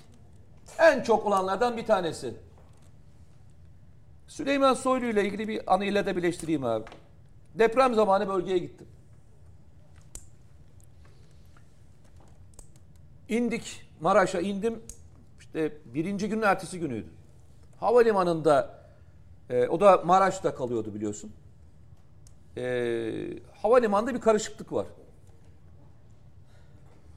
Yanımda benimle beraber gelen de bir tane e, o zaman milletvekili olan bir e, hanımefendi var. İsmini vermeyeyim. Yanında da danışmanları var. Aynı uçaktaydık. Özel bir uçak kalkmıştı Sabiha Gökçen'den. İndi. İlk yaptığı iş neydi biliyor musunuz? Karışıklığı gördü. Danışmanlara dedi ki siz burada kalıyorsunuz. Koordinasyon ekibi artık sizsiniz dedi. Ve ana merkeze gitti. Arkasından Süleyman Bey ile ilgili açtım. Sabah 9 filandı galiba. Dedim böyle böyle bir durum var ben sizi gördüm. Orada bekleyen ekipler vardı ne yapacaklarını falan bilmiyorlardı. Çok ilginç bir laf söyledi bana biliyor musunuz Süleyman Soylu? Yardım etmek isteyen kendi düzenini kuruyor dedi. Anlamadım önce tamam mı? Sonra anladım ki gerçekten iniyorsanız sahada abicim aracınızda buluyorsunuz. Nereye gideceğinize gidiyorsunuz itibat. Kimisi de oturup şeyi bekliyor. Sizi kime yönlendireceğini bekliyor. Kimi de gerçekten iş yapmak istiyorsa abi sahaya gitti. Sahada bulduğu bir yerde işe başladı. Daha sonra zamanı bulduğunda kendisini başka bir yere yönlendirdi. Ben hayatta böyle baktım abicim. Biz, Biz e, de böyle öğreniyoruz. e, AFAD'ın merkezine Hatay'da gittiğimizde aynısını biz yaşamadık. Evet. Bir an şu hisse kapılıyorsunuz. Ya bir dakika ya burada kimse biz geldik ilgilenmiyor falan filan. Bir dakika diyorsun burası deprem bölgesi. Ben ne yapabilirim? Yani ayak bağı olacağını anladığın anda da çekiliyorsun zaten. Yani o süre olarak da böyle e, ifade edilebilir. şimdi hikaye bizim memlekette bir yaramız var mı arkadaşlar? Terörle mücadele konusunda teröristle mücadele konusunda bir bizde Türkiye'de bir hata yok. Terörle mücadele konusunda bir hata var. Terörle mücadele konusunda geri e, e, durumumuz işte sen dün bana kızıyorsun ya hani televizyonda konuşmamla ilgili. Benim kızgınlığım teröristle mücadele konusundaki e, safsatalar. Terörle mücadele konusunda yani teröristle mücadele konusunda safsata yok ortada. Terörle mücadele konusunda var. Ben kızgınlığım bununla ilgili. Yani asıl ucuz ucuz kahramanlıklar orada yapılıyor. Yani gerçekten delikanlılar dağda kardeşim. Ucuz kahramanlık mı istiyorsun? Laf söylersin, oradan laf sokarsın, ona da laf sokarsın. İş çözmek istiyorsan yaparsın arkadaş. Her türlü sorunu çözersin. Ve kimse de haberi olmaz. Kimsenin kimsenin haberi olmaz. Biz kardeşimle işte depremin birinci yılı tamamlanıyor. Bir sürü şey yaptık. Hiç kimsenin haberi yok. Tek bir kare fotoğrafımız bile yok. Sorun mu çözmek istiyorsunuz? Çözersin arkadaşım ya. Terörle mücadele mi etmek istiyorsun? Edersin. Senin burada yapacağın iki tane çift laf. Kardeşimin yıllardan beri terörle mücadele konusundaki yaptığı mücadeleler, gezmeler, dolaşmalar her biri bir çivi ya. Tabii tabii yazılar. Yani yazıyı geçtim. Hedefte. Mahkemelerde. Ya mücadele edin böyle olur ya. Mücadele edin bununla ilgili olur. Bu mücadeleyi yapalım biz. Bak bu mücadeleyi doğru yapalım. Bizim askerimizin, dağdaki askerimizin üstteki yük azalıyor mu azalmıyor mu? Kesinlikle. Operasyon bölgesini geziyorum abi. Barikat döneminde. Bir tane yere gittik, bir şehre. Tabii şehrin polis mevcutu o kadar yüksek olamaz yani. Normalde asayiş için o kadar mevcudu yok. O yüzden de yatacak yer de yok yani. İçeri bir girdim. Karakolun en altındaki hücreleri şeye çevirmişler. Yatakhaneye. Yani bildiğiniz Nezarethane. nezarethane şeye getirmiş. Yerlerde şeyleri sermişler. Yer yatak. Uyku tulumlarını falan sermişler yatıyorlar ama nezarethanede yatıyorlar yani. Polis özel harekat timleri. Çocuklara şey sordum ya çocuklar yapabileceğiniz bir şey var mı? Abi dedi sizden tek ricam fotoğrafını çekmeyin paylaşmayın. Şimdi yanlış anlaşılır. Sanki bizim buradan bir şey istediğimizi zannedilir. Yani yatak mevzusunu yapıyoruz. Tamam oğlum dedim bir şey bunu da iste yazmayacağım. Söylemeyeceğim. Daha kaç yıl geçti üzerine yeni söylüyorum bak. Ah canım ya. Peki dedim ne istiyorsunuz? Abi dedi bak biz de yemeğimiz geç geliyor. Buz gibi yiyoruz bazen. Yatacak yerimiz yok. Hepimiz buraya gönüllü geldik. Gerçekten barikatlar dönemi bölgeye giden bütün emniyet müdürleri ve özel harekatçıların tamamı gönüllü giden ekipti. Tamamı dilekçe verip bölgeye gittiler. En çok ağrımıza ne gidiyor biliyorsunuz dediler. Hakkımıza yazılıp çizilen ve bize hakaret edilen konuşmalar. Hem siyaseten hem de sosyal medya üzerinden. Rica ediyor dediler ya bunu engelleyin. Biz bunu dayanamıyoruz dediler. Kendi ülkemizde, kendi topraklarımızda topraklarımızı bizden almak isteyen terör grubuyla mücadele ediyoruz ve bizim hakkımıza söylenmeyen kalmadı. Ağrımıza gidiyor dediler. Ben hiç bunu unutmam bu lafı. Ben o yüzden dağdaki askerimizin ruhu benim için her zaman her şeyden daha önemlidir. Onun ruh hali. Peki. Ee, Nedim Şener sen biraz az önce konuşmanda bahsettin ama e, biz teröristten ifadesine cumartesi günü gerçekleştirilen güvenlik zirvesinin ardından yapılan açıklamada rastladık. Ee, bu ifadenin terörle mücadelede güvenlik stratejisi açısından ayrıca bir mesaj niteliği taşıdığını düşünüyor musun? Tabii. yani o güvenlik toplantısı sonrası o kelimenin kullanılması bütün güney sınırımız boyunca e, Amerika Birleşik Devletleri'nin inşa etmeyi istediği terör yapılanmasına asla göz yumulmayacağını anlatıyor. Tabii bu açıklamanın aslında ben biraz daha e, sert olabileceğini beklerdim. Ama e, düşman açısından korkutucu kısmı bu kadar sessiz oluşuydu bence. Bunun devamının çok ciddi operasyonlarla geleceğini hissedebiliyorum. Ki Alman basının Evet. haritasına da cevap Aynen aslında. yani dolayısıyla burada buradaki bakın bu sadece e, PKK unsurlarına değil. Onunla işbirliği yapan eğer Irak'taki yapılanmaysa Amerika üsleri zaten ayrı. e, onlara da bir mesaj olduğunu düşünüyorum. Dolayısıyla bu e, mücadelenin ciddi bir şekilde yani mesela Aslında siparişi verenlere Tabii direkt. 14 Ekim'de Biden'ın e, Suriye topraklarında Amerikan askerini bulundurma gerekçesini Türkiye'nin operasyonlarına bağlaması ve bunu e, Amerikan e, askeri varlığını IŞİD'le mücadeleyi sekteye uğrattığını ve Türkiye'nin Türkiye'nin müttefik Türkiye'nin operasyonlarının Amerika'nın güvenliğini tehdit ettiğini söylemesi aslında bir nasıl söyleyelim ilan edilmemiş bir savaş. Aramızda bir savaş olduğu çok açık. Ve Türkiye'nin gerek Milli İstihbarat Teşkilatı gerek Türk Silahlı Kuvvetleri'nin sınır ötesine vurduğu hedeflere bakın. Bunlar PKK'lıların inşa ettiği yerler mi? Barikatlar şeylere bakın, e, binaların yapılarına falan veya te- tesislere, petrol tesislerine bakın. Sadece PKK'nın, e, YPG'nin oradaki nöbetçiliğini yaptığı aslında Amerikalıların Suriyelilere ait olan çaldığı petrol kaynakları. Türkiye bunlara gereken e, terör hedefi olarak çünkü mali yapılanmasını ona dayandırıyorlar. E, gerekli cevabı veriyor. Dolayısıyla Sonra da çimento fabrikası vurulur mu diye bir bardak Tabii ama orada o da o da şu açık yani orada Türkiye e, hangi unsurların orada bulunup bulunmadığını biliyor. Yani orada Amerikan unsurları da var mı yok mu e, çok ciddi takip ederek operasyonları yapıyor. bu Yani böyle çimento kuyum fabrikasının vurulmasına karşı çıkanlar o çimento fabrikasının sahibinin terör örgütlerinin nasıl desteklediğini biliyorlar mı? Onu da söylüyorlar Lafarge. mı? Evet yani nasıl? ya tabii şöyle Dibine kadar destekliyor ya. Şöyle bizim bizim e, şöyle özellikle bu Ga- Gazze soykırımı zaten bizim uğradığımız haksızlıklar gösterdi ki Batı ülkeleri nezdinde sizin çok meşru, ahlaklı, haklı olmanızın hiçbir önemi yok. Yok evet. Önemli olan onların sahip olduğu hegemonya. Buna karşı verilecek cevap sadece güçtür. Başka Tabii, hiçbir tabii, şey değil. tabii, yani tabii. bunlara yani oturup da ben Türkiye'nin ne kadar haklı bir mücadele verdiğini anlatmak. Ben sadece biz bunun konuşmalarımızı niye yapıyoruz? Uzun uzun zamandan beri içeride bizi dinleyen ve bu savaşa katılacak insanları e, bilgilendirmek amacıyla. Yoksa Batı zaten haksızlık yaptığını kendi itiraf ediyor. Yani şöyle düşünün. New York'un göbeğinde Birleşmiş Milletler binası var. Değil mi? Orada toplantılar yapılıyor. Bütün dünya diyor ki Ga- Gazze'de e, ateşkes ilan edilsin. Amerika diyor ki hayır. Hayır diyor. bitti. Şimdi bunun neresi adalet, neresi hukuk? Yani bu uluslararası hukukla e, bir uluslararası meşruiyet falan sağlanıyor muymuş? Yok. O başlık altında konuşabileceğiniz herhangi bir şey var mı? Yok tabii yani dolayısıyla bizim artık bundan sıyrılmamız olabildiği kadar güçlü olmamız gerekiyor. Beni korkutan hep şu oldu. Yani Mustafa Kemal Atatürk'ün Nutuk'ta söylediği şey şu.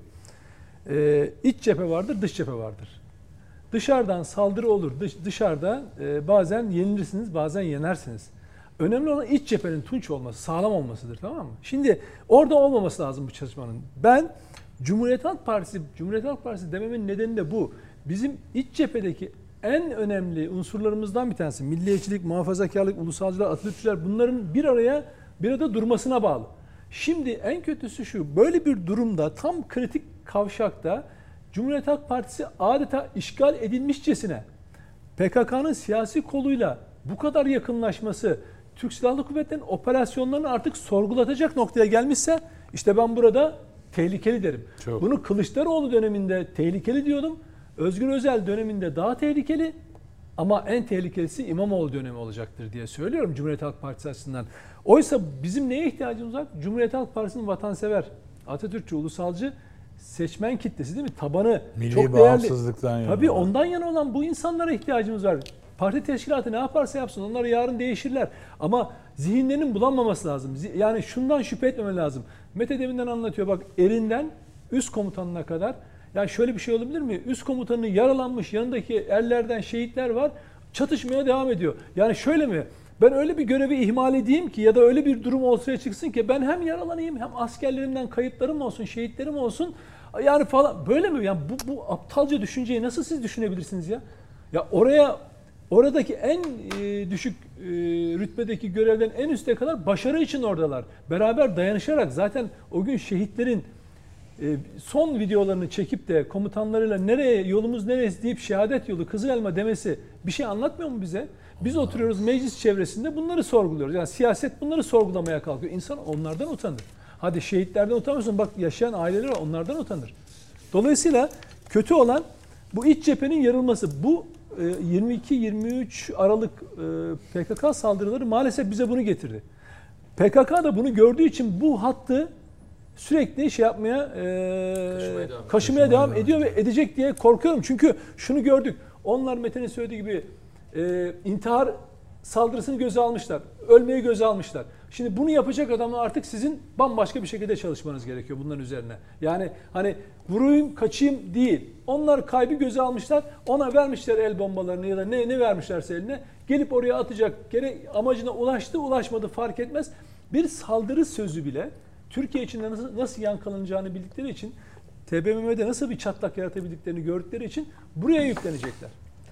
1, 1 Ekim'deki İçişleri Bakanlığı'na yönelik e, şeyde saldırıda, girişimi de böyle bir amaç taşımıyor muydu? Asıl tam meclisin açılacağı gün çok büyük bir olay, bir tartışma yaratmak istiyordu. Terör örgütünün amacı. Ne oldu ertesi gün üstad? Çıktı siyasi kolu. Kürt sorunu çözülmezse bu tür acılara daha çok yaşarız dediler. Daha Bak ertesi gün yaptılar bunu. Hem de meclisin bahçesinde. Bu olaydan sonra 12 22-23 Ekim'den sonra ne dediler?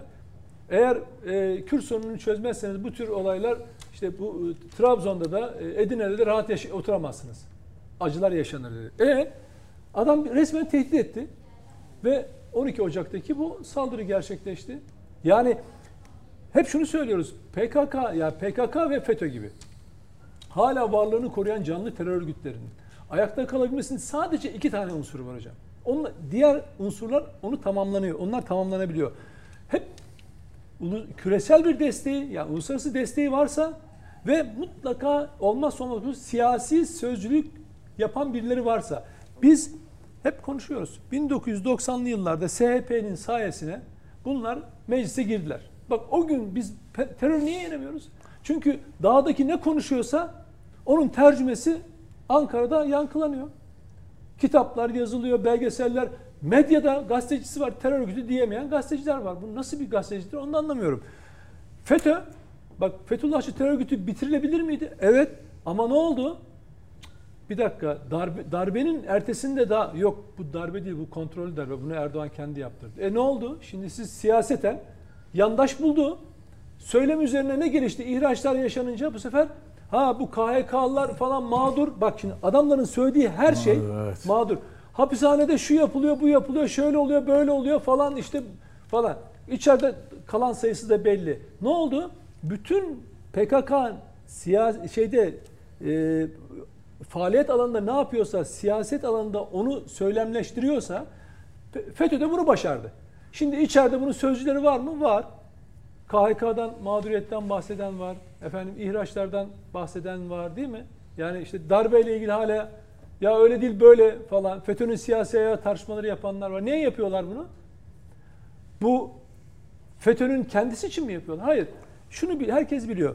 PKK'da, FETÖ'de aynı süt anneden beslenen iki tane şey. Terör yavrusu. Bunu artık PİÇ demeyeceğim de yavrusu diyeceğim. Bunları almışlar süt annelik yapıyor Amerika Birleşik Devletleri. Bunları besliyor.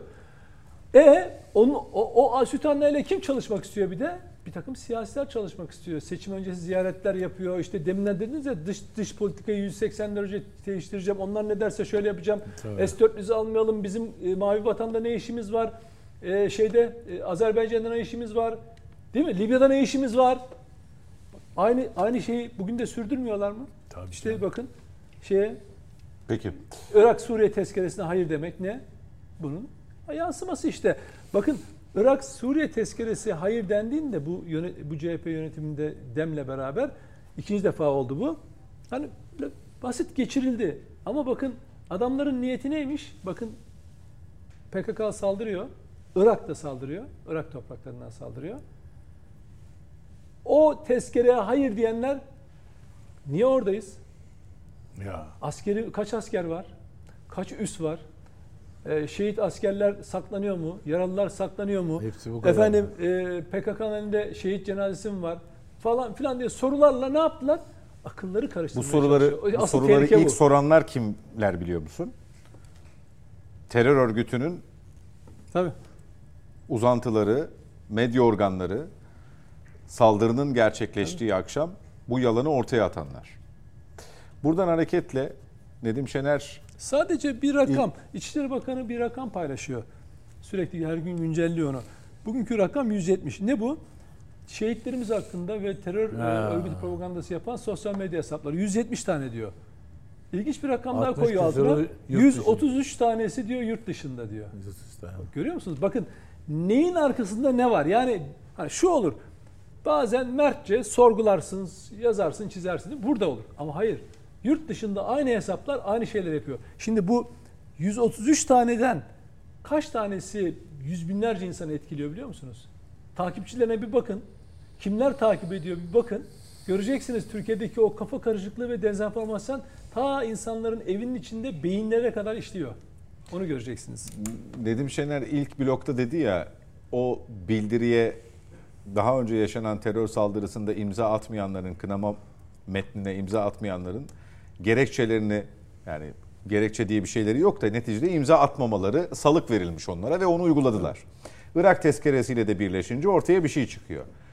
Bir yandan da Mete Yarar dedi ki kim ister siyaseten de böyle bir saldırının olmasını ya da işte bağlıyorlar seçim yaklaştı şehit haberleri arttı sanki birisi bunu planlı bir faaliyet olarak yürütüyormuş gibi. Kim ister kısmını cevaplamazdan önce saldırı gerçekleştikten itibaren bundan nemalananları da konuşmak gerekiyor. İşte bunlar tam anlamıyla bu provokasyonu, bu dezenformasyonu zaten hazırladıkları belli olan tezgahı ortaya koymak, kamuoyuna daha fazla özellikle sosyal medya üzerinden yaymakla görevlendirilmiş gibi gözüküyorlar. Konsolide etme. görevi. Konsolide etmek evet. Evet bir de enteresan ama başlangıç noktalarından bir tanesi mesela işaret bir şey bu Engin Altay'ın 2017'de e, grup başkan vekiliyken mecliste ettiği laf diyor ki bu hükümet dünyanın en doğru işini yap, bile yapsa yani Mete'nin anlattığı hikayeyi söylemişti.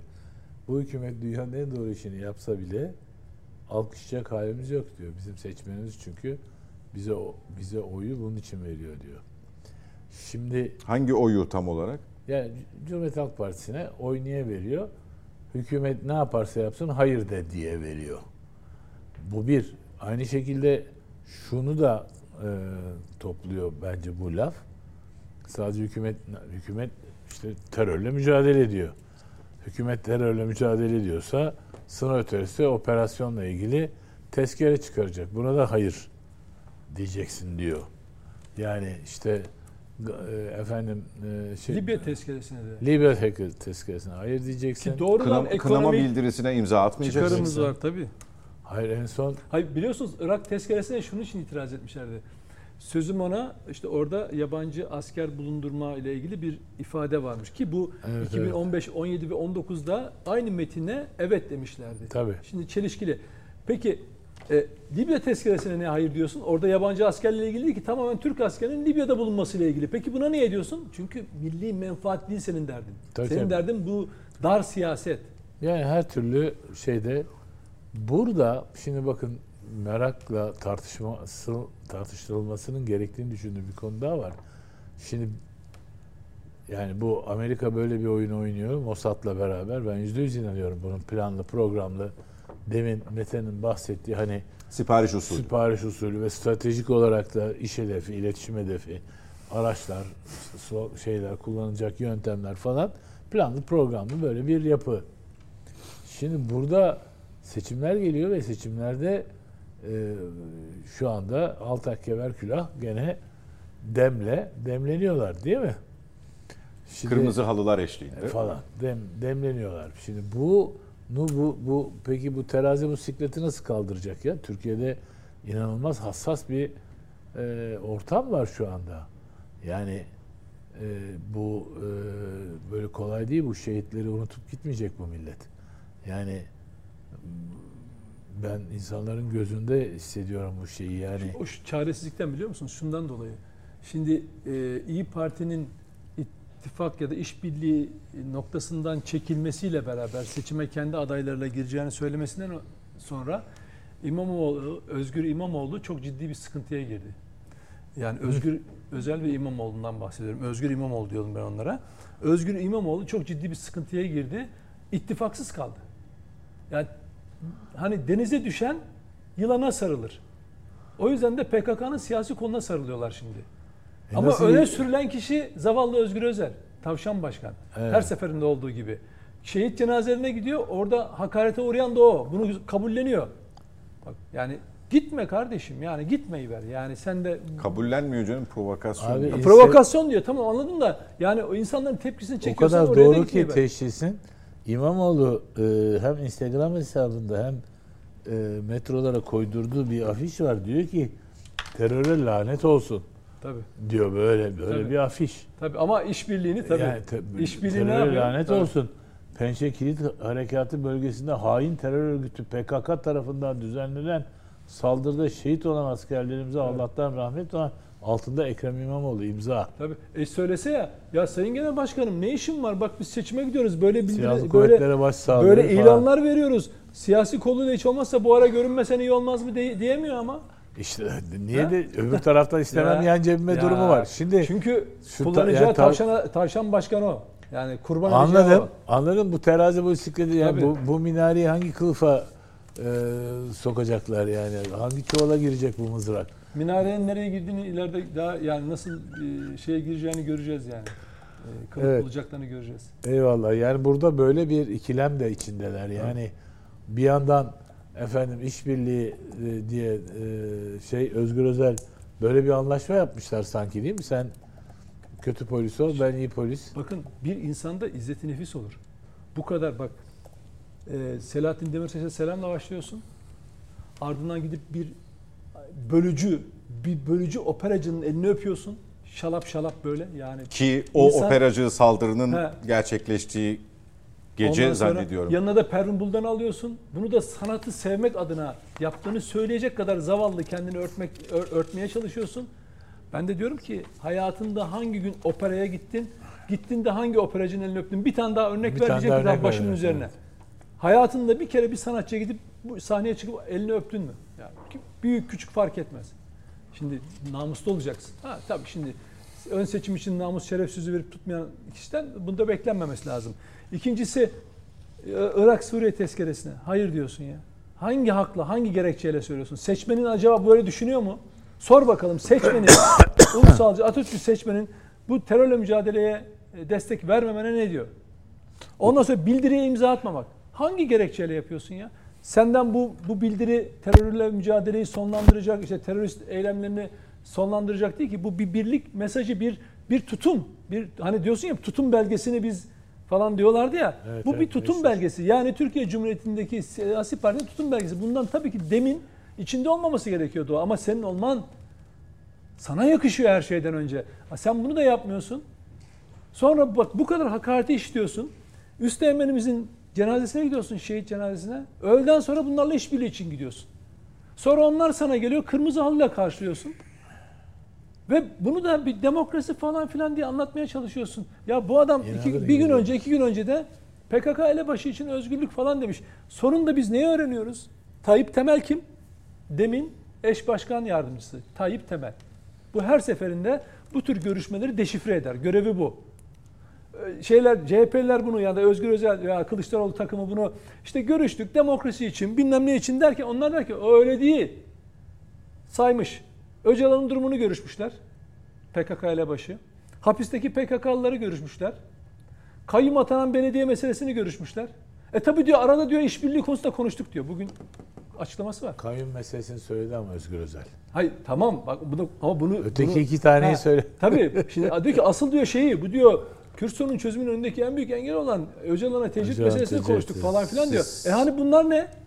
Ya beraber bir de şu var. Çok ilginç. E, yerel seçime gidiyoruz. Belediye başkanları seçeceğiz. Bunu e, Öcalan'ın e, tecritiyle ya da PKK ile başının e, tecritiyle ne alakası var bu? Ha o şu. Bu eylemleri yayacaklar ya. Şimdi hapishanelerde bazı eylemler başladı. Bunu yayacaklar, kitleselleştirecekler. CHP kitlesine de hadi buyurun. Hadi buyurun. Öcalan'ın tecridi için sokaklara eylem yapalım falan diyecekler. Bazı unsurlar var. HDP unsurları kaçtı. CHP'nin içinde gençlik teşkilatlarında falan var. Bunu biliyoruz. Onlar bir takım şeyler yapabilirler. Ama CHP'nin ana kitlesi bu işe evet demez. Aksine adamı daha beter ederler yani. Peki siz şeyi gördünüz mü? Elini öptüğü o Görmez olur mu? hanımefendinin paylaşımını. Tabii tabii. Yani şeyi o birlikte kimlerle gittiği de e, o sadece el, öp, el öpme değil. Hayır hayır. Saldırının olduğu Saldırının gece- gerçekleştiği gece bir tweet attı. Ha onu bilmiyorum. Ben opera Evet, sanatçısını Kürt- Kürtçe söylüyorum. bir O tweet kişinin, attı. o kişinin tweet'i saldırı gecesi. Saldırının yapıldığı Aa, gece. Opera sanat, ünlü Tabii. opera sanatçısı. Tabii. bunlar. Pervin Ee, neydi? Çakar. Ee, demiş? biz yalnız değiliz, biz büyük bir milletiz. Türkçesi. Şehit haberlerinin geldiği gece. Türkçesi ne demek? Türkçesi Kürtçe, işte. Kürtçe atıyor da bu Türkçe'ye çeviriyor. Yani Biz büyük bir milletiz, yalnız değiliz. Kürtçe, Kürtçe mi atıyor? evet Kürtçe Bunu atıyor. Kürtçe olarak atıyor. Hadi canım. Tabii. Onun da elini öpüyoruz arkadaş. Evet, Evet. yapıyor. Öpmüştü. Öpmüştü. Ee, Ya şimdi şunu söylemek Peki istiyorum. nasıl Bir- yedirecekler abi bu işi? CHP'nin Öteki de bir hain Özgür PKK Özel- terörü diyor. Tabii tabii Özgür Özel böyle bir riski, böyle bir karşı tepki alacağını bile bile bunu niye yapıyor? Çünkü patron öyle istiyor. Patron kim? Parayı kim veriyorsa o. Oh.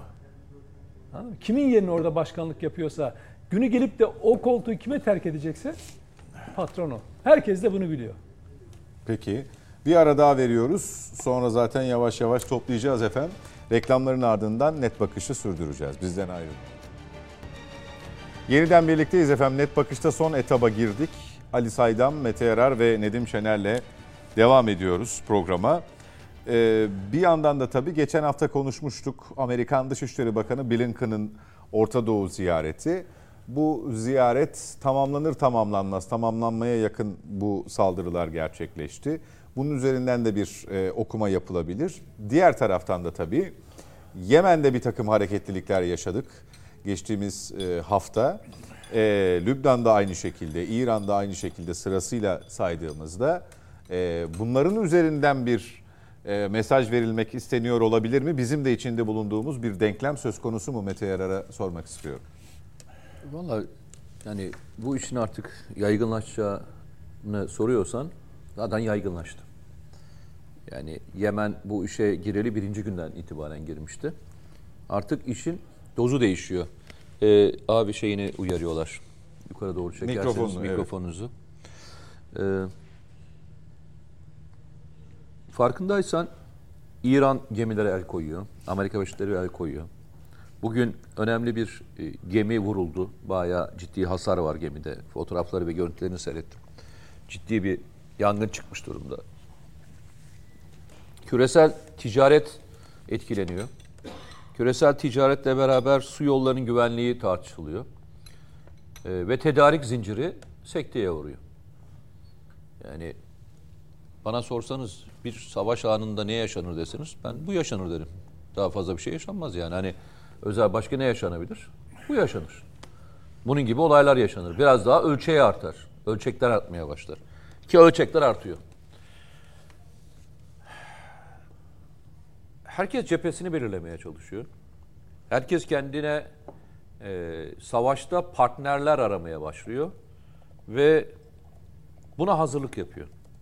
İki gün önce yani bana deseniz ki dünyada herhalde en çok savaşa girmek, girmeye hazır ordusu olmayan ülkeyi sayın deseniz ilk sayacağım ülkelerden bir tanesi Almanya'dır. Almanya'dır. Kocaman bir ülke değil mi? Ama uçaklar neredeyse Kalkamıyor falan. işte pilotlarından tutun da diğerlerine kadar e, müthiş bir sıkıntı var. En son bir rapor raporu deşifre edildi. E, Almanya NATO ile Rusya arasında çıkacak olan savaşa hazırlanıyor diyor. Servis edilen en son rapor bu. Servis eden ülke hangisi? Almanya. Almanya kendi raporunu deşifre ediyor. Şey yapıyor, servis ediyor. Çünkü herkes istiyor ki dünyada herkes safını belirlesin. Bak safını belirlesin. Yani sıkıntı da bizimle ilgili en büyük sıkıntı ne biliyor musun? Biz saf belirlemiyoruz. Diyoruz ki biz savaşın bir parçası olmayacağız. Ne Ukrayna-Rusya savaşında bir parçası olacağız. Ne de coğrafya içerisinde yaşanacak olan bir savaşın parçası olacağız. Ama Gazze'de bir tavrımız O, var. ben o, o başka bir şey. O başka bir şey. Yani taraf dediğimde haksızlıkla mücadele anlamında söylemiyorum. Sıcak çatışmadan bahsediyorum. Yani savaşın içine girip direkt tanklar, toplar, füzeler bundan bahsediyorum yani. Yoksa gidiyorsun soykırımla ilgili sen de başvuranların içindesin. Avukatları sevk ediyorsun. Dünyayı ayağa kaldırıyorsun. Sen, o başka senin kastın sıcak çatışmanın Sıcak içinde yer alma. bahsediyor.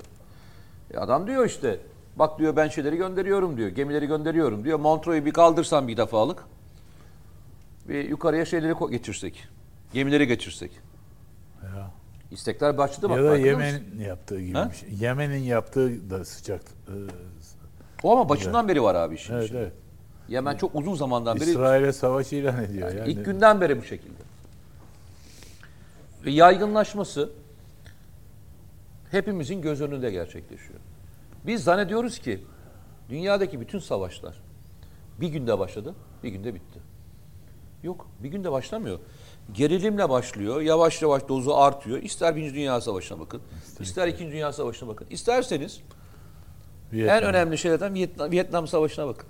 Vietnam Savaşı'nın başlangıç tarihi 1950'lerin ortasında başlıyor. Tabii, Dien Bien Phu falan. Fransızlar, Fransızlar. Fran- önce Fransızlarla başlıyor. Hatta Fransızlardan Amerikalılar devralıyor şeyi, e, bölgeyi. Onların üzerinden alıyorlar. Çünkü Fransızlar 50 bine yakın adam kaybedince Dien, diyorlar. en son Bien Phu'da mahvoluyorlar, yeniliyorlar falan filan. Şimdi gel, gel şimdi oraya. Şimdi ben Vietnam Savaşı bir günden başladı diyeceğim. Yok. Yok evet. 74'e kadar 1950'lerin ortasından başladık, başlatırsan Yirmi- nereden bakarsan bak kaç yıl? 25, 24. 25 yıl. 25 yıl boyunca sürüyor abi. 25 yıl boyunca. Bölgesel anlamda bir sürü sorunu da içinde barındırarak devam ediyor. Kore Savaşı'nın başlangıcı. Sürmesi, sonuçları. Ya biz bir ara dönemden geçiyoruz. Ve bu ara dönemdeki en önemli faktörlerden bir tanesi liderlik devir teslim dönemi- dö- dönemine de denk geldik. Yani Amerika Birleşik Devletleri'nin liderliğini teslim ettiği, önce liderliği teslim aldığı, çok kutupludan tek kutupluya geçtiğimiz, sonra tekrar çok kutupluya geçtiğimiz, çok kutuplunun içinde de birincil öge olacak olan ülkenin değiştiği dönemi. Ve bunların her birini biz yaklaşık 1990'ların başına başlatırsanız 30 senedir yaşıyoruz. 30 senedir yaşıyoruz. 30-35 yıldır bu hikayeyi yaşıyoruz. Ve 35 senenin bedeli çok ağır dünya için. Ölen insan sayısı, sınırların değişmesi. 90'lı yılların haritasına bakın, rica ediyorum. Bugünkü haritaya bakın. Avrupa'da tanıyamazsınız ya. Balkanları tanıyamazsınız. Yugoslavya, Yugoslavya değil mi? E, tanıyamazsınız. E, yukarıdaki bloğu tanıyamazsınız. Evet, Estonya, Estonya. Yani e, Sovyet Sosyalist Cumhuriyetler Birliği dağıldıktan sonraki dağılıma bakın. Ya 90'lı yılların haritasıyla şu andaki haritaya baktığınızda tanımazsınız yani. Ya- Ama görseniz hiçbir şey değişmedi. Dünyada hiçbir şey değişmedi. Ama öyle, öyle diyoruz değil mi? Hiçbir şey değişmedi. E şimdi de aynı dönem. Şimdi aynı dönemi yaşıyoruz. Dünyanın ortadan böyle hani karpuz gibi yarıldığı bir döneme gidiyoruz. Bakın karpuz yarıldığı gibi döneme gidiyoruz. Ve burada herkesin yanına çekmeye çalıştığı bir tek ülke var. O da Türkiye Cumhuriyeti Devleti. Çünkü tek başına hareket etmiyor ki Türkiye Cumhuriyeti Devleti. Hepsi de iyi niyetli değil tabii. Zaten, zaten istiyor. Yani seni isten direndikçe hani e, birçoğu şey diyor ya e, ülkenin konumu neymiş? Şeysiz yalnızlık neymiş? Bir şey yalnızlık diyorlar ya Türkiye için. Değerli yalnız. Değerli yalnızlık. Yok yok değerli yalnızlığı biz söylüyoruz. Yani Türkiye yalnız kaldı bütün politikalarda falan. Arkadaş yalnız kaldığı dönemde Türkiye Türkiye'nin içindeki terörü bitirdi. Türkiye 30 yıllık problemi bitirdi. Yukarıdaki problemi bitirdi. Tamam mı? Yani şey problemi bitirdi. Türk Cumhuriyetlerle ilgili Turan bölgesini hayata geçirebildi. Azerbaycan bitti. Azerbaycan'dan bahsediyorum abi. Ve e, savunma sanayinde yüzde seksenlere ulaştığı bir çıtaya getirdi. Arkadaş eğer yalnızlık buysa ben biraz daha devam edelim derim. Yani yalnızlık bu ülkeye bu kazanımları yaptırdıysa bence biraz daha devam edelim. Çoklukta oldu ne yaptık? Yani Amerika Birleşik Devletleri ile beraber müttefik olduğumuz dönemlerde Türkiye'nin hep önü mü açıldı zannediyorsunuz? Yani 60'lı yıllarda Türkiye'nin önüne açılmış mıydı? Johnson mektubuyla adam bize şey mi yaptı? Çok paşasınız arkadaşlar biz sizi çok seviyoruz. Ne Kıbrıs mı? Ne demek ya? Silah mı? Ne demek abi? Buyurun ya falan mı dedi zannediyorsunuz? Kullanamazsın uçakları dedi. 70'li yıllara geliyorsun aynı terane. 80'li yıllara geliyorsun aynı terane. 90'lı yıllara geliyorsun aynı terane. Ya bana söylesenize 60'lı yıllarda AK Parti mi vardı? İsmet İnönü vardı. Sonra Bülent Ecevit vardı. Sonra Demirel vardı. Her dönemde başka bir siyasetçi vardı ama adamların bir tek hedefe koyduğu ülke vardı. Türkiye Cumhuriyeti Devleti'ydi. Türkiye Cumhuriyeti Devleti ile hesapları var adamların. Yoksa siyasetçiyle falan değil. Siyasetçilerle özel olarak ilgileniyorlar. Eğer kendi işlerine gelmiyorsa devirmek için ellerinden gelen bütün gayreti gösteriyorlar evet. Ama asıl onların düşmanı, onların asıl hedefe koyduğu ülke, ülkenin kendisi ya. Yani şöyle mi e, zannediyorlar? E, Türkiye'de siyaset değişse Amerika Birleşik Devletleri'nin Türkiye'de ilgili çıkarları da değişecek. Çok iyi ya. O süper zekiler var biliyor musun böyle? Öyle anlatıyorlar ya. Diyor ya adam.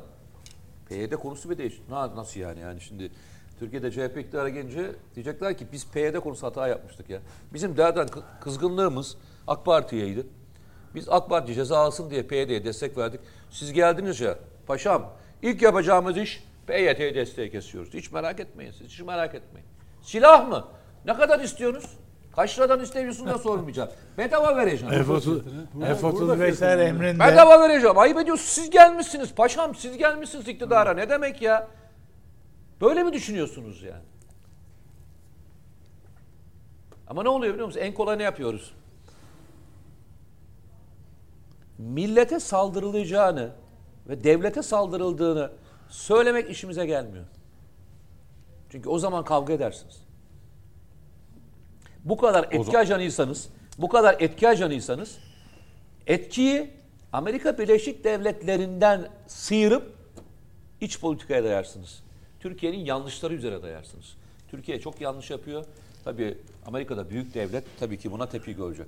Ya bunu Türkiye'de söyleyen insanlar var ya. Tabii ki tepki koyacak. Adamın çıkarı Canım var daha, diyor. Canım daha bu saldırının ardından canlı yayında adam çıktı dedi ki bunun dedi failini hiç başka bir yerde aramayın. Amerika ile bu kadar ayrı düşerseniz bu saldırılar devam eder dedi. Bir an önce masaya oturun, mesele neyse halledin. İşte Aslında ben de e, ben de Kim diyorum bu ki vatansever? öyle öyle demek istemem yani. Evet.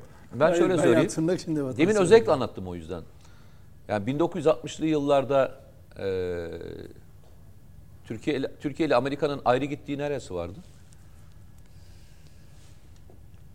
Var mıydı? Bu kadar ayrı düştüğümüz nokta var mı? Bir tek Kıbrıs'ta sorun yaşadık. Ne oldu? Adam resti çekti. Adamın çıkarına çıkarının bin tanesiyle bin tanesi fark etmiyor. Adamın bir tane çıkarına bir dokunamazsın. Diyor ki mutlak vericisin sen kardeşim. Ben de mutlak alıcıyım diyor. Sen dur kardeşim dediğin andan itibaren bu kavgayı yapmak zorundasın. Onurlu ülkeler hayır demeyi bilen ülkelerdir ya. Kavga etmeyi e ne yapacağız? Adam şey diyor ya. PYD'yi tanı diyor. Ne yapacağız? Tanıyacak mıyız? Ayrı düşüyoruz ya şimdi. Mesela şey diyor adam. Rusya ile çıkarlarını birleştirmeyeceksin. Çok net video da yayınlanıyor. İn- İnternette de var yani. İşte YPG is not a terror organization diyor gayet net söylemiş yani. Müttefikimiz diyor ya DAEŞ'e karşı. Ya bölgede diyor bir bağımsız devlet kurulacak ve sen de bunu tanıyacaksın diyor. Diyor, evet. Arkadaş. İşte adam diyor ki 12 bine çıkartacağım. Senin de Ege bölgesinde diyor şeyin kalmayacak. E kabul tanıyacaksın çünkü adam da öyle diyor. E diyor ki Kıbrıs'ta Türk Cumhuriyeti diye bir kavram yoktur diyor. Bir tek devlet vardır. Ben o devleti tanıyorum, seni de tanımıyorum diyor. Kabul edeceksin. Edecek misin abi o zaman? Hiç ayrı düşünmeyeceksin ya. Ama bunun karşılığında F-35 alacaksın. Alacaksın değil mi? Öyle diyor. Ha. Şey, Peki. e, Alacaksın değil mi? CHP Süre daralıyor. Bir yandan o e, Orta Doğu turuna atıf yaptığımız için Blinken'ın durak durak tweetleri var. E, hem görüşmelerin, ziyaretin muhtevasına ilişkin hem de kendi yorumlarının yer aldığı. Onlar bir ekrana gelsin. Türkçeleri var mı altında? Var. Nedim Şener üzerine konuşacak galiba. Evet.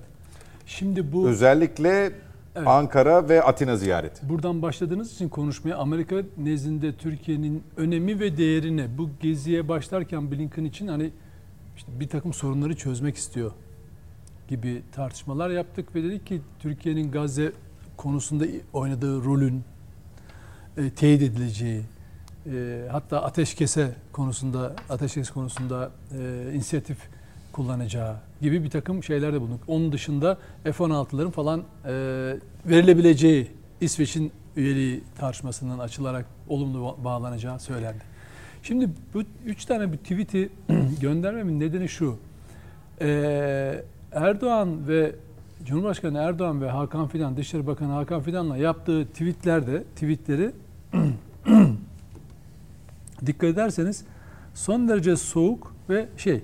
Mesela Türkiye Cumhur Türkiye Cumhurbaşkanı Erdoğan ve ben Gazze'deki çatışmayı NATO müttefikleri olan ortak güvenlik önceliklerini ve ikili ticaret yatırımımızı genişletme arzumuzu tartıştık. Gayet şey böyle soğuk hiç öyle bir şey yok hani Dümdüz. Dümdüz. Şimdi Dışişleri Bakanımızla Gazze'deki çatışmayı ve İsveç'in NATO üyeliğinin daha fazla gecikmeden sonuçlandırılması önemini görüşmeye Türkiye Dışişleri Bakanı ile görüştüm. Hiç beton. Şimdi Yunanistan'a geliyoruz. Yunanistan Başbakanı Mitsotakis ve ben NATO müttefikler, müttefikler olarak güçlü ilişkimizi ve işbirliğimizi tartıştık. Yunanistan'ın Ukrayna'ya yardım ve Kızıldeniz'de seyir sefer özgürlüğünü artırma çabaları da dahil olmak üzere bak ne diyor? Bölgesel konulardaki liderliğini takdir ediyoruz. Söyler misiniz Yunanistan'ın bölgesel dediği alanda bak kelimeler ne kadar önemli biliyor musun? Seçiliyor. Şimdi biz okurken düz okuyoruz ama diplomaside bunların bir karşılığı var. Yani Türkiye nasıl bir rol veriyor kafasında Yunanistan diyor ki bölgesel liderlik. Bana söyleyin Yunanistan'ın bölgesel olarak liderliğine ya senin Mitsotakis dediğin adam Amerikan kongresine gidip e, 45 dakikada 37 defa bizi şikayet ettiği, alkış aldığı, Türkiye'den bahsettiği şey Erdoğan Erdoğan diye ağladığı bir adamdan bahsediyorsun.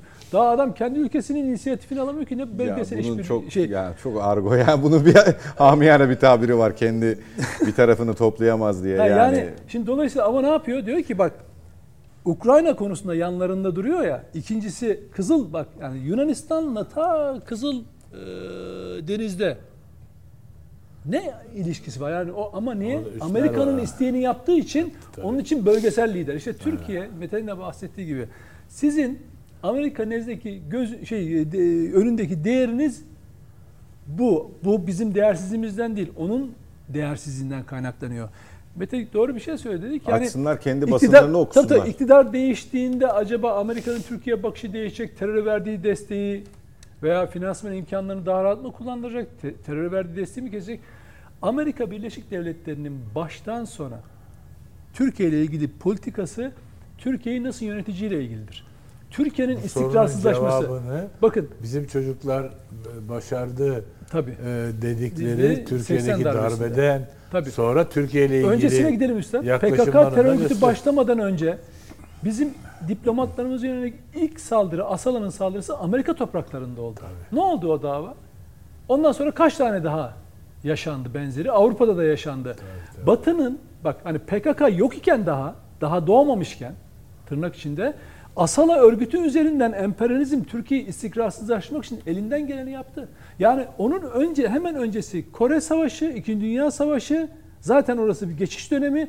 Ondan önce Mustafa Kemal Atatürk'ün vefatına kadar olan süreç 1923 ile şey arası Cumhuriyet'in kurulumu, kurul- kuruluş ayarlarının oluşturulması. O sürede kaç ayaklanma yaşandı? 15-20 ayaklanma kimin sayesinde, kimin arkasında oldu? Bunların arkasında oldu. Daha bazıları konuşuyorlar. Amerikan Misyoner Okulu Diyarbakır'da bilmem ne koleji, Tarsus'ta bilmem ne koleji, bilmem nerede ne koleji. Kayseri. Adamlar her yeri ele geçirmişler. Şimdi o düzenin bozulması istemiyorlar. Türkiye'de bir ulus devlet, bir millet bilinci oluşmasını istiyorlar. Çünkü öbür türlü bir inanç üzerine kurduğunda, etnik şey üzerine kurduğunda dağıtması çok kolay. Bak bugün Suriye, efendim Irak ne halde? Paramparça. Neye göre bölünüyor? İstediği etnik grubu istediği yere dağıtıyor. Bir aşiret reisine şurayı veriyor, bir aşiret reisine burayı veriyor. Sen buradasın diyor, ben de senin yanındayım diyor. Yeter bir, ki bir, bir, yan- bir yandan da biliyor tabii. Tabii tabii yani dolayısıyla zaten coğrafyanın bütün yani topografisi işte sosyolojisi elinde. Yani kimi nasıl yöneteceğini ta 19. yüzyılın içinde adamlar keşfetmişler. Türkiye buna karşın bir set çekmiş. Bir hani onlar için erişilemeyecek bir vaha. Yani çünkü niye bu ulus devlet bilincini bir türlü kıramadılar. İşte geldik son aşamaya. Cumhuriyet'in 100. yılı. PKK'nın soytarıları her yerde buldukları her imkanda İzmir İktisat Kongresi adı altında yaptıkları yerlerde, televizyonlarda, gazetelerde ne dediler? Cumhuriyet'in birinci yüzyılı bitti artık ikinci yüzyıl başlıyor. Nasıl başlıyor? Artık diyor hesaplaşma dönemi geldi diyor. Bu diyor böyle değil hesaplaşma. Tabii hesaplaşma dönemi geldi diyor. O dönem diyor biz boşuna mı Şeyh Said tartışması yaşamaya başladık hocam? Yani PKK terör örgütünden bölemeyince Türkiye'yi ne yaptılar? Ta 100 yıl önceki bir hainin ayaklanması üzerinden bir sorun inşa edip bir tırnak içinde bir sosyoloji inşa ederek aklı sıra bir bölünme projesi gerçekleştirmek istiyorlar ve bunu sadece burada yapmıyorlar. Şimdi Demirtaş'ın geldiği noktaya falan bakın savunmalarını okuyun. Adam İslamcı oldu bir anda ya. İslamcı şey Kürt devleti peşinde koşan bir şeye döndü. Hale döndü. O eskiden solcuydu ya. Hani solcu sosyalist Kürt ayrılıkçıydı. Şimdi İslamcı sosyalist şey, İslamcı bir bölücü noktasına döndü ve bunu eleştiriyor. Sol kesim de eleştirmeye başladı. Ya bu ne adam ne diyor, ne oldu falan diyor. Böyle e, erdi hapishanede falan diyorlar. Neyi inşa ediyorlar aslında biz gülüyoruz geçiyoruz ama neyi inşa ediyorlar? Bir fikri tartışmayı inşa ediyorlar. Önemli olan işte buna karşı hazırlıklı olmak. Ben burada buna en hazırlıklı olması gereken kesimin Cumhuriyeti kurduk. Biz kurduk. Kurucu partiyiz falan diyen e, partinin siyasi alanda bu kavgayı nasıl vereceğini çok merak ediyorum. Ama Özgür Özel ne diyor? Şeyh Said'e hain mi desem, kahraman mı desem bilemedim falan filan. Yani ama diyor torunların acısını anlamak lazım. Torunu ne diyor? Diyor ki Şeyh Said'in hedefi Kürt İslam Devleti kurmaktı diyor. E yani İstiklal Mahkemesi doğru karar vermiş idam cezası vererek değil mi? Buydu yani sonuç. Dolayısıyla gelece geldiğimiz nokta bu. Bundan sonra da bizi şey be- bekliyor. Ciddi bir tartışma süreci bekliyor ve Amerika Birleşik Devletleri bu işin tam arkasında ve adamların şunu biliyorlar. Bu yerel seçimlerde istediklerini elde edemeseler edemeyeceklerini de biliyorlar. Hedef 2028. Onun için birileri birilerinin ayağını kaydırdı da Cumhuriyet Halk Partisi'ne hatta, hatta liderlik ve genel müdürlük savaşı veriliyor üstadım. Eyvallah. Peki. Ee, bu arada bir hadise daha yaşandı. Ee, hafta sonu e, futbol karşılaşmalarında öncesinde, sırasında ve sonrasında e, İsrailli iki futbolcu bir tanesi sahada gol attıktan sonra sevincini bir provokasyonla dile getirmeye çalıştı. Daha doğrusu yansıtmaya çalıştı kameralar karşısında. Diğeri de sosyal medya hesabından. Bir tanesi gözaltına alındı. İkisi de gözaltına alındı ama bir tanesi e, akşam saatlerinde Türkiye'den ayrıldı. Her iki isim de Profesyonel Futbol Disiplin Kurulu'na sevk edildi. E, onlarla ilgili kararı bekliyor olacağız. Ede- ideolojik propaganda kapsamında. Ali abi, bunu nasıl görüyorsun? Yani e, biz iki haftada bir futbolun üzerinden bir şeyler konuşmaya başladık. Futbol hariç. Çok doğru bir tespit değil mi? Bir takımı çekti bir başkan, öteki gitti dövdü hakemi falan böyle abuk subuk işler. Şimdi bu ben şey inananlardan değilim. Böyle bir sinir anında refleksle yapılmış bir hareket değil. Gördüğüm kadarıyla çünkü yazılmış, hazırlanılmış. Hazırlanmış. Hazırlanmış yani. Bu bunun sonuçlarında ne olacağını e, bir profesyonel futbolcu bilir. Yani FIFA kuralları var. O var, bu var. Bir sürü bir şey var yani. Bir Türkiye'nin hassasiyeti var. Bu bunun ben e, yani çok abartıyormuş gibi gözükebilirim ama naç- naçizane görüşüm örgütlü ve programlı ve de yani talimatla yapılmış bir şey olduğunu düşünüyorum. Kişisel bir eylem olmadığını düşünüyorsun. Öyle evet. Çünkü bu kişisel bir eylem olsa spontan orada hareket oluşur. Yani e, sevinme hareketi içinde bir, bir hareket yapılır. O anda onu da affedersin Adam zaten. yazmış zaten orayı. Evet evet Yazılı yazmış. bir şey metni gösteriyor. Metni gösteriyor yani. O Oraya bir şey yazmış. Önceden bir bunu da bir e, profesyonel futbolcu oraya onu yazarken bunun sonuçlarının ne olacağını da gösterdiği Öngörü, zaman öngörmelidir. öngörür yani görmelidir. Ama ilk Gör- hareketi değil bu biliyorsun. Daha önce de yaptı. Ama yani mütemai şey bu, bu- bunun bu şu anda yapılıyor olması Yok bunun aynısını yaptı. tamam da bu anda aynısını yaptı. Daha önce şunu yaptı. Ben o tarihi bilmiyorum. Ne zaman yapmış? Ee, Türkiye'de bu Gazze olayları başladığında hatırlarsın e, protesto gösterileri ve e, kınama ve saygı duruşları yapılıyordu. Mesela ona çıkmamadı, çıkmadılar ve taşımadılar şeyleri. Ben dediler çıkmayacağım, kınamayacağım da etmeyeceğim de. Daha önce yani bu şekilde hareketini yine aynı şekilde yaptı. Anladım. O bile kabul edilebilir bir şey. Bu ama örgütlü programlı gibi geliyor bana da onun için. Yok Yani- adamlar zaten örgütlü canım yani hakkını yememek lazım. Örgütlüler yani. Eyvallah. Örgütlüler o yüzden, yani. O yüzden yani doğru bir aksiyon aldı. Hiç olmazsa uzun zamandır ilk defa böyle bir hızlı çünkü iletişimde en e, temel problem bir numaralı problem Ama bunda hızdır. Türkiye Futbol Federasyonu almadı. Savcılık aldı. Hiç Türkiye Futbol Federasyonu hiç alakası yok. Ortada Türkiye Futbol Federasyonu yok çünkü. şey- Çok sevk- ilginç ama yine yok ortada. Bir yerlere sevk etmiş Türkiye Futbol Federasyonu. Nereye? Gittikten sonra mı? Türkiye Türkiye'nin yani size söyleyeyim mi? Ortada İçişleri Bakanlığı var. Türkiye'de Türkiye'de Adalet Bakanlığı var bu olayda. Ama yine Türkiye Futbol Federasyonu yok biliyor musun? Evet. Yani üzücü tabii. Burada Türkiye yok. bir şey haber okudum ama yani profesyonel futbol disiplin kuruluna sevk edildi, mevk edildi diye ama herhalde çok geç. O yeni ya, yeni bir yeni bir gelişme. Bugün oldu o. Evet. Bu da gittikten sonra oldu. Bugün akşam saatlerinde oldu Yani ki gitmişti zaten. Sınır dışı edildikten sonra oldu. Gözaltına alındı. ifadesine başvuruldu. Ee, tutuksuz yargılanmak üzere serbest bırakıldı. Bunlar adli emniyet ve adliye süreci. Ee, sonra Türkiye'den ayrıldı. Yok sınır dışı edilme kararı alındı. Evet sınır dışı edilme kararı ülkeden ayrıldı. Sonra PFDK'nın hem Başakşehirli futbolcu hem de Antalya Spor futbolcu ile ilgili ideolojik davranma suçlamasıyla disipline sevk etme kararı geldi. Bu şey gibi ya. Yani bizim şeyi seyrettik ya biz. Ee, 6. gün sonunda bir açıklama oldu ya. Hani o gün Türkiye'de herkes yandı, e, İstiklal Marşı okundu okunmadı, o oldu bu oldu açıklaması hiç ortada yoktu. 6. günün sonunda biz e, hani haberdar olduk olayda ne varmış ne olmuş 6. günün sonunda öğrendik yani. Evet, iletişim özürlü e, kavramının bundan daha iyi bir simgesi olamaz diyorsun yani. Ee, ben şöyle söyleyeyim. Ben iletişim özürü deden şeyde şu olur. Bazen susarsınız. Sustuğunuz hata olur. Ama ben bir şey söyleyeyim mi? Bunlar hata değil ki. Hayır, susarsınız, susmanız bir iletişim İletişim tercihidir. Taktiği ve Taktiği tercihi de onu olur. diyorum yani. Öyle olmadığı belli. Yani burada e, tabii Susmak daha çok Türkiye'de yakıyor. Doğru, doğru. Siz, çünkü ileti, yani şöyle denir.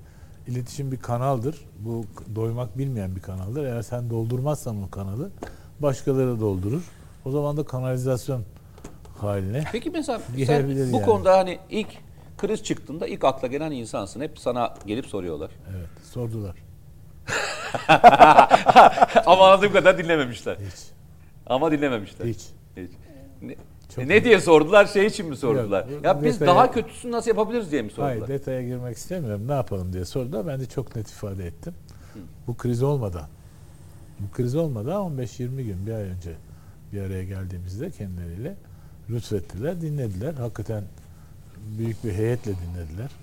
Bir kere heyetle bakıldığı zaman iletişim işine o iş çalışmaz abi.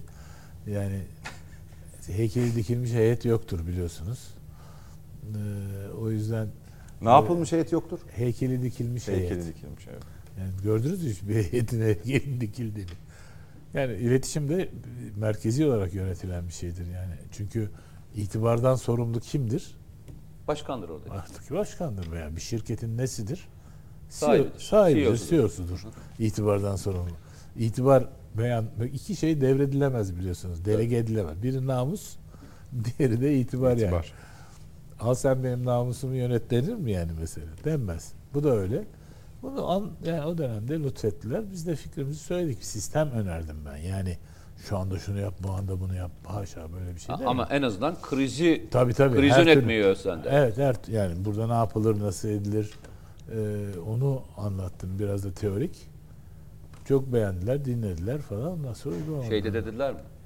Biz de olsaydık bunu yapardık dediler. Aynısını yapar. Biz zaten bunu yapıyoruz dediler. Ya ben benim e, meslek hayatımda danışmanlık yaptığım yerlerde e, çıkarken arkadaşlarla toplantılardan sonra diyorum ki hangi mesela abi şey diyorlar. İlk çocuklar ilk toplantılara gidip şey derlerdi. Abi bu iş bitti filan. Niye? Abi dediler ya işte harika mükemmel. Oğlum diyordum.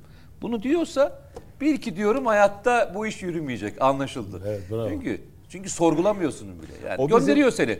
Teşekkür edip gönderiyor. O bizim toplumla ilgili bence. Yurt dışında bunu göremezsiniz. Mesela ben yurt dışındaki birçok toplantıda böyle danışmanların verdiği fikirlerden sonra aa biz bunu nasıl düşünemedik diyen birçok adam gördüm. Bizde ise Yok ama şöyle. hani bir yandan not alıp size- size teşekkür edip Mete bunu gayet iyi görmüştür. Yani böyle heyetle konuşuyorsan zaten bitti bir şey çıkmıyor oradan.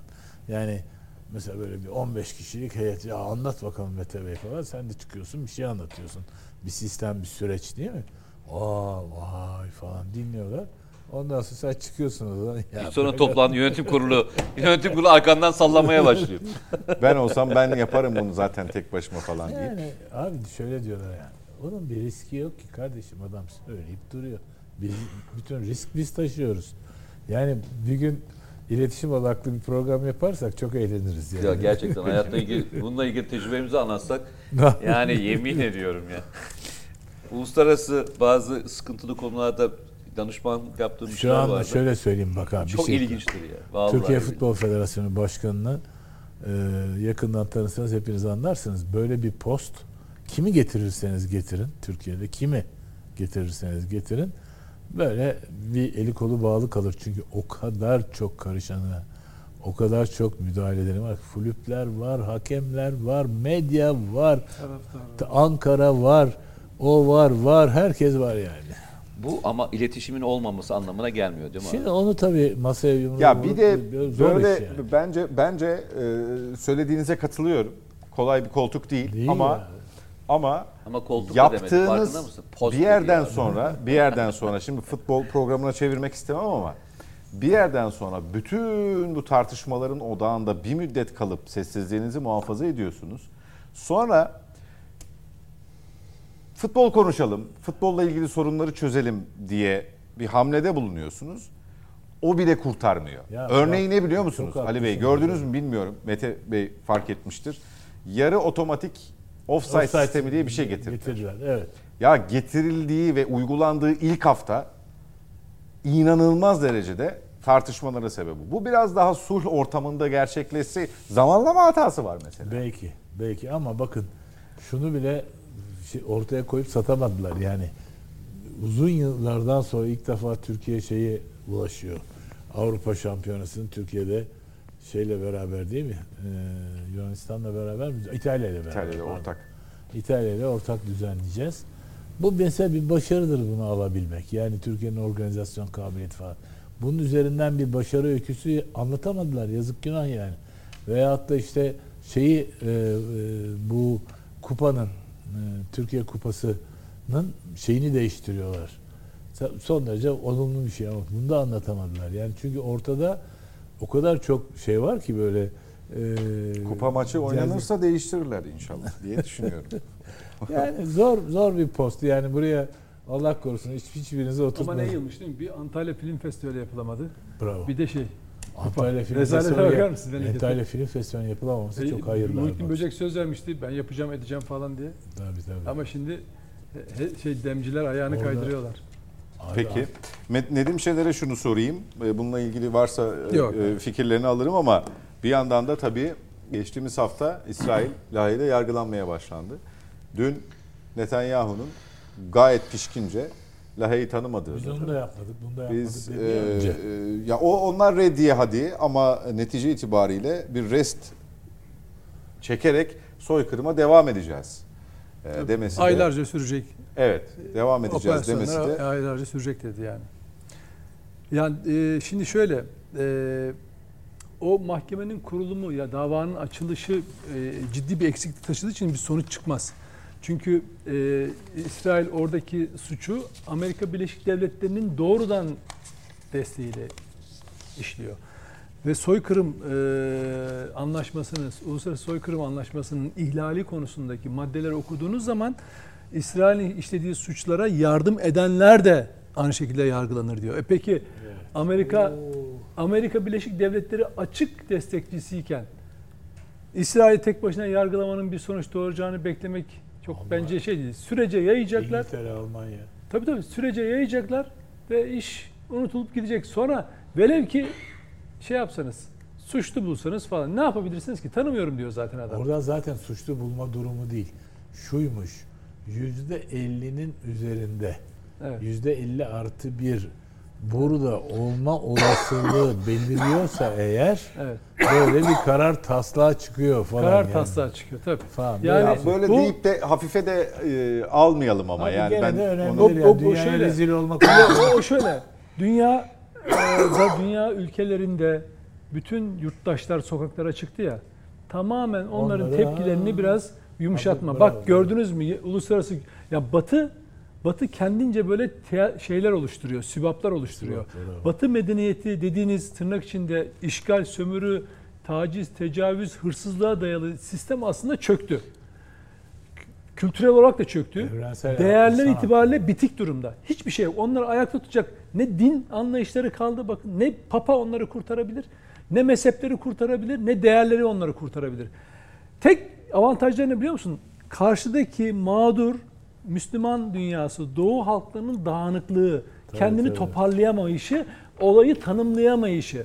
Dünyanın en zengin coğrafyası petrol bakımından da ama birer şey e, gevşek hiçbir karar alamayan liderler tarafından yönetiliyor. Ama İsrail'in sadece onlara dediği şuydu oldu ve susmak zorunda kaldılar. İktidarınızı ve e, çıkarlarınızı ifade. korumak istiyorsanız sessiz kalın. Bak bir şey yapmayın demedi. Sessiz kalın dedi. E ne oldu? Sessiz. Yemen'e saldırı hangi Arap ülkesinden kalktı uçaklar bombaladı? Katar'dan. Hani ne oldu? Tamam ayrı mezhepti, şuydu buydu. Ki İran konusunda da anlaşırlar yani. Katar öyle şey İran'la yakın e, ülkedir. Husiler de öyle değil mi? Ama Evet. işin içine denkleme Amerika'nın çıkarları girdiğinde olay biter. Nerede en hani? önemlisi orada Şimdi- İngiltere faktörü Tabii. var. Onu da es Ama geçmeyelim. asıl şimdi Amerika'nın üssü var orada. Yani çok Türkiye'nin üssü kadar büyük bir üssü var. Hatta daha büyük bir üssü var. Şimdi e ne oldu peki? Şey ne yapabiliyor? Uluslararası Ceza Mahkemesi burada rolü ne? Dünyada her hafta sonu ayağa kalkan milletlere ya tamam bak yargılıyoruz falan filan. Aa biz de hemen rahatlıyoruz böyle. En şeffaf yargılama biçimi. Canlı yayında yayınlanıyor. Normalde böyle takır takır takır sayılıyor. Ve ondan sonra ha bak gördünüz mü küresel sistem tekrar kendini onarıyor aklı sıra. Şimdi kimin nezdinde?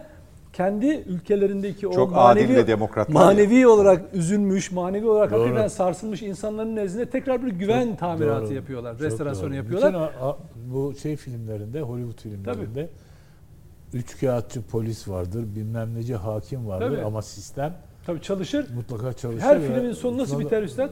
Amerikan bayrağı dalgalanır, mavi ışıklı polis arabaları falan olaya el koyar. El koyarlar bir ve de espriyle sistem, patlatırlar değil mi? Böyle sistem, evet, mutlulukla sistem bitirir. korur kendini. Yani tam böyle hani insanın beynine bireysel, olumlu- bireysel şeyler vardır. Tabii tabii Evet. mağdurları ve masumları Tabii, tabii. koruduklarına dair de Tabii. battaniyeyle sarılmış ambulans kenarında oturup Tabii elinde kahve bardağı ve yani. su içen Espriyle falan da e, aktörlerle, yapıştırır yani. film biter. Evet. Program da biter. Evet. Çok teşekkür ediyorum Ali Bey, Mete Erer ve Nedim Şener. Çok sağ olun katıldığınız sağ için. Net bakışı bitiriyoruz efendim. Yeniden görüşmek üzere diyelim. Hoşçakalın. İyi geceler, iyi istirahatler.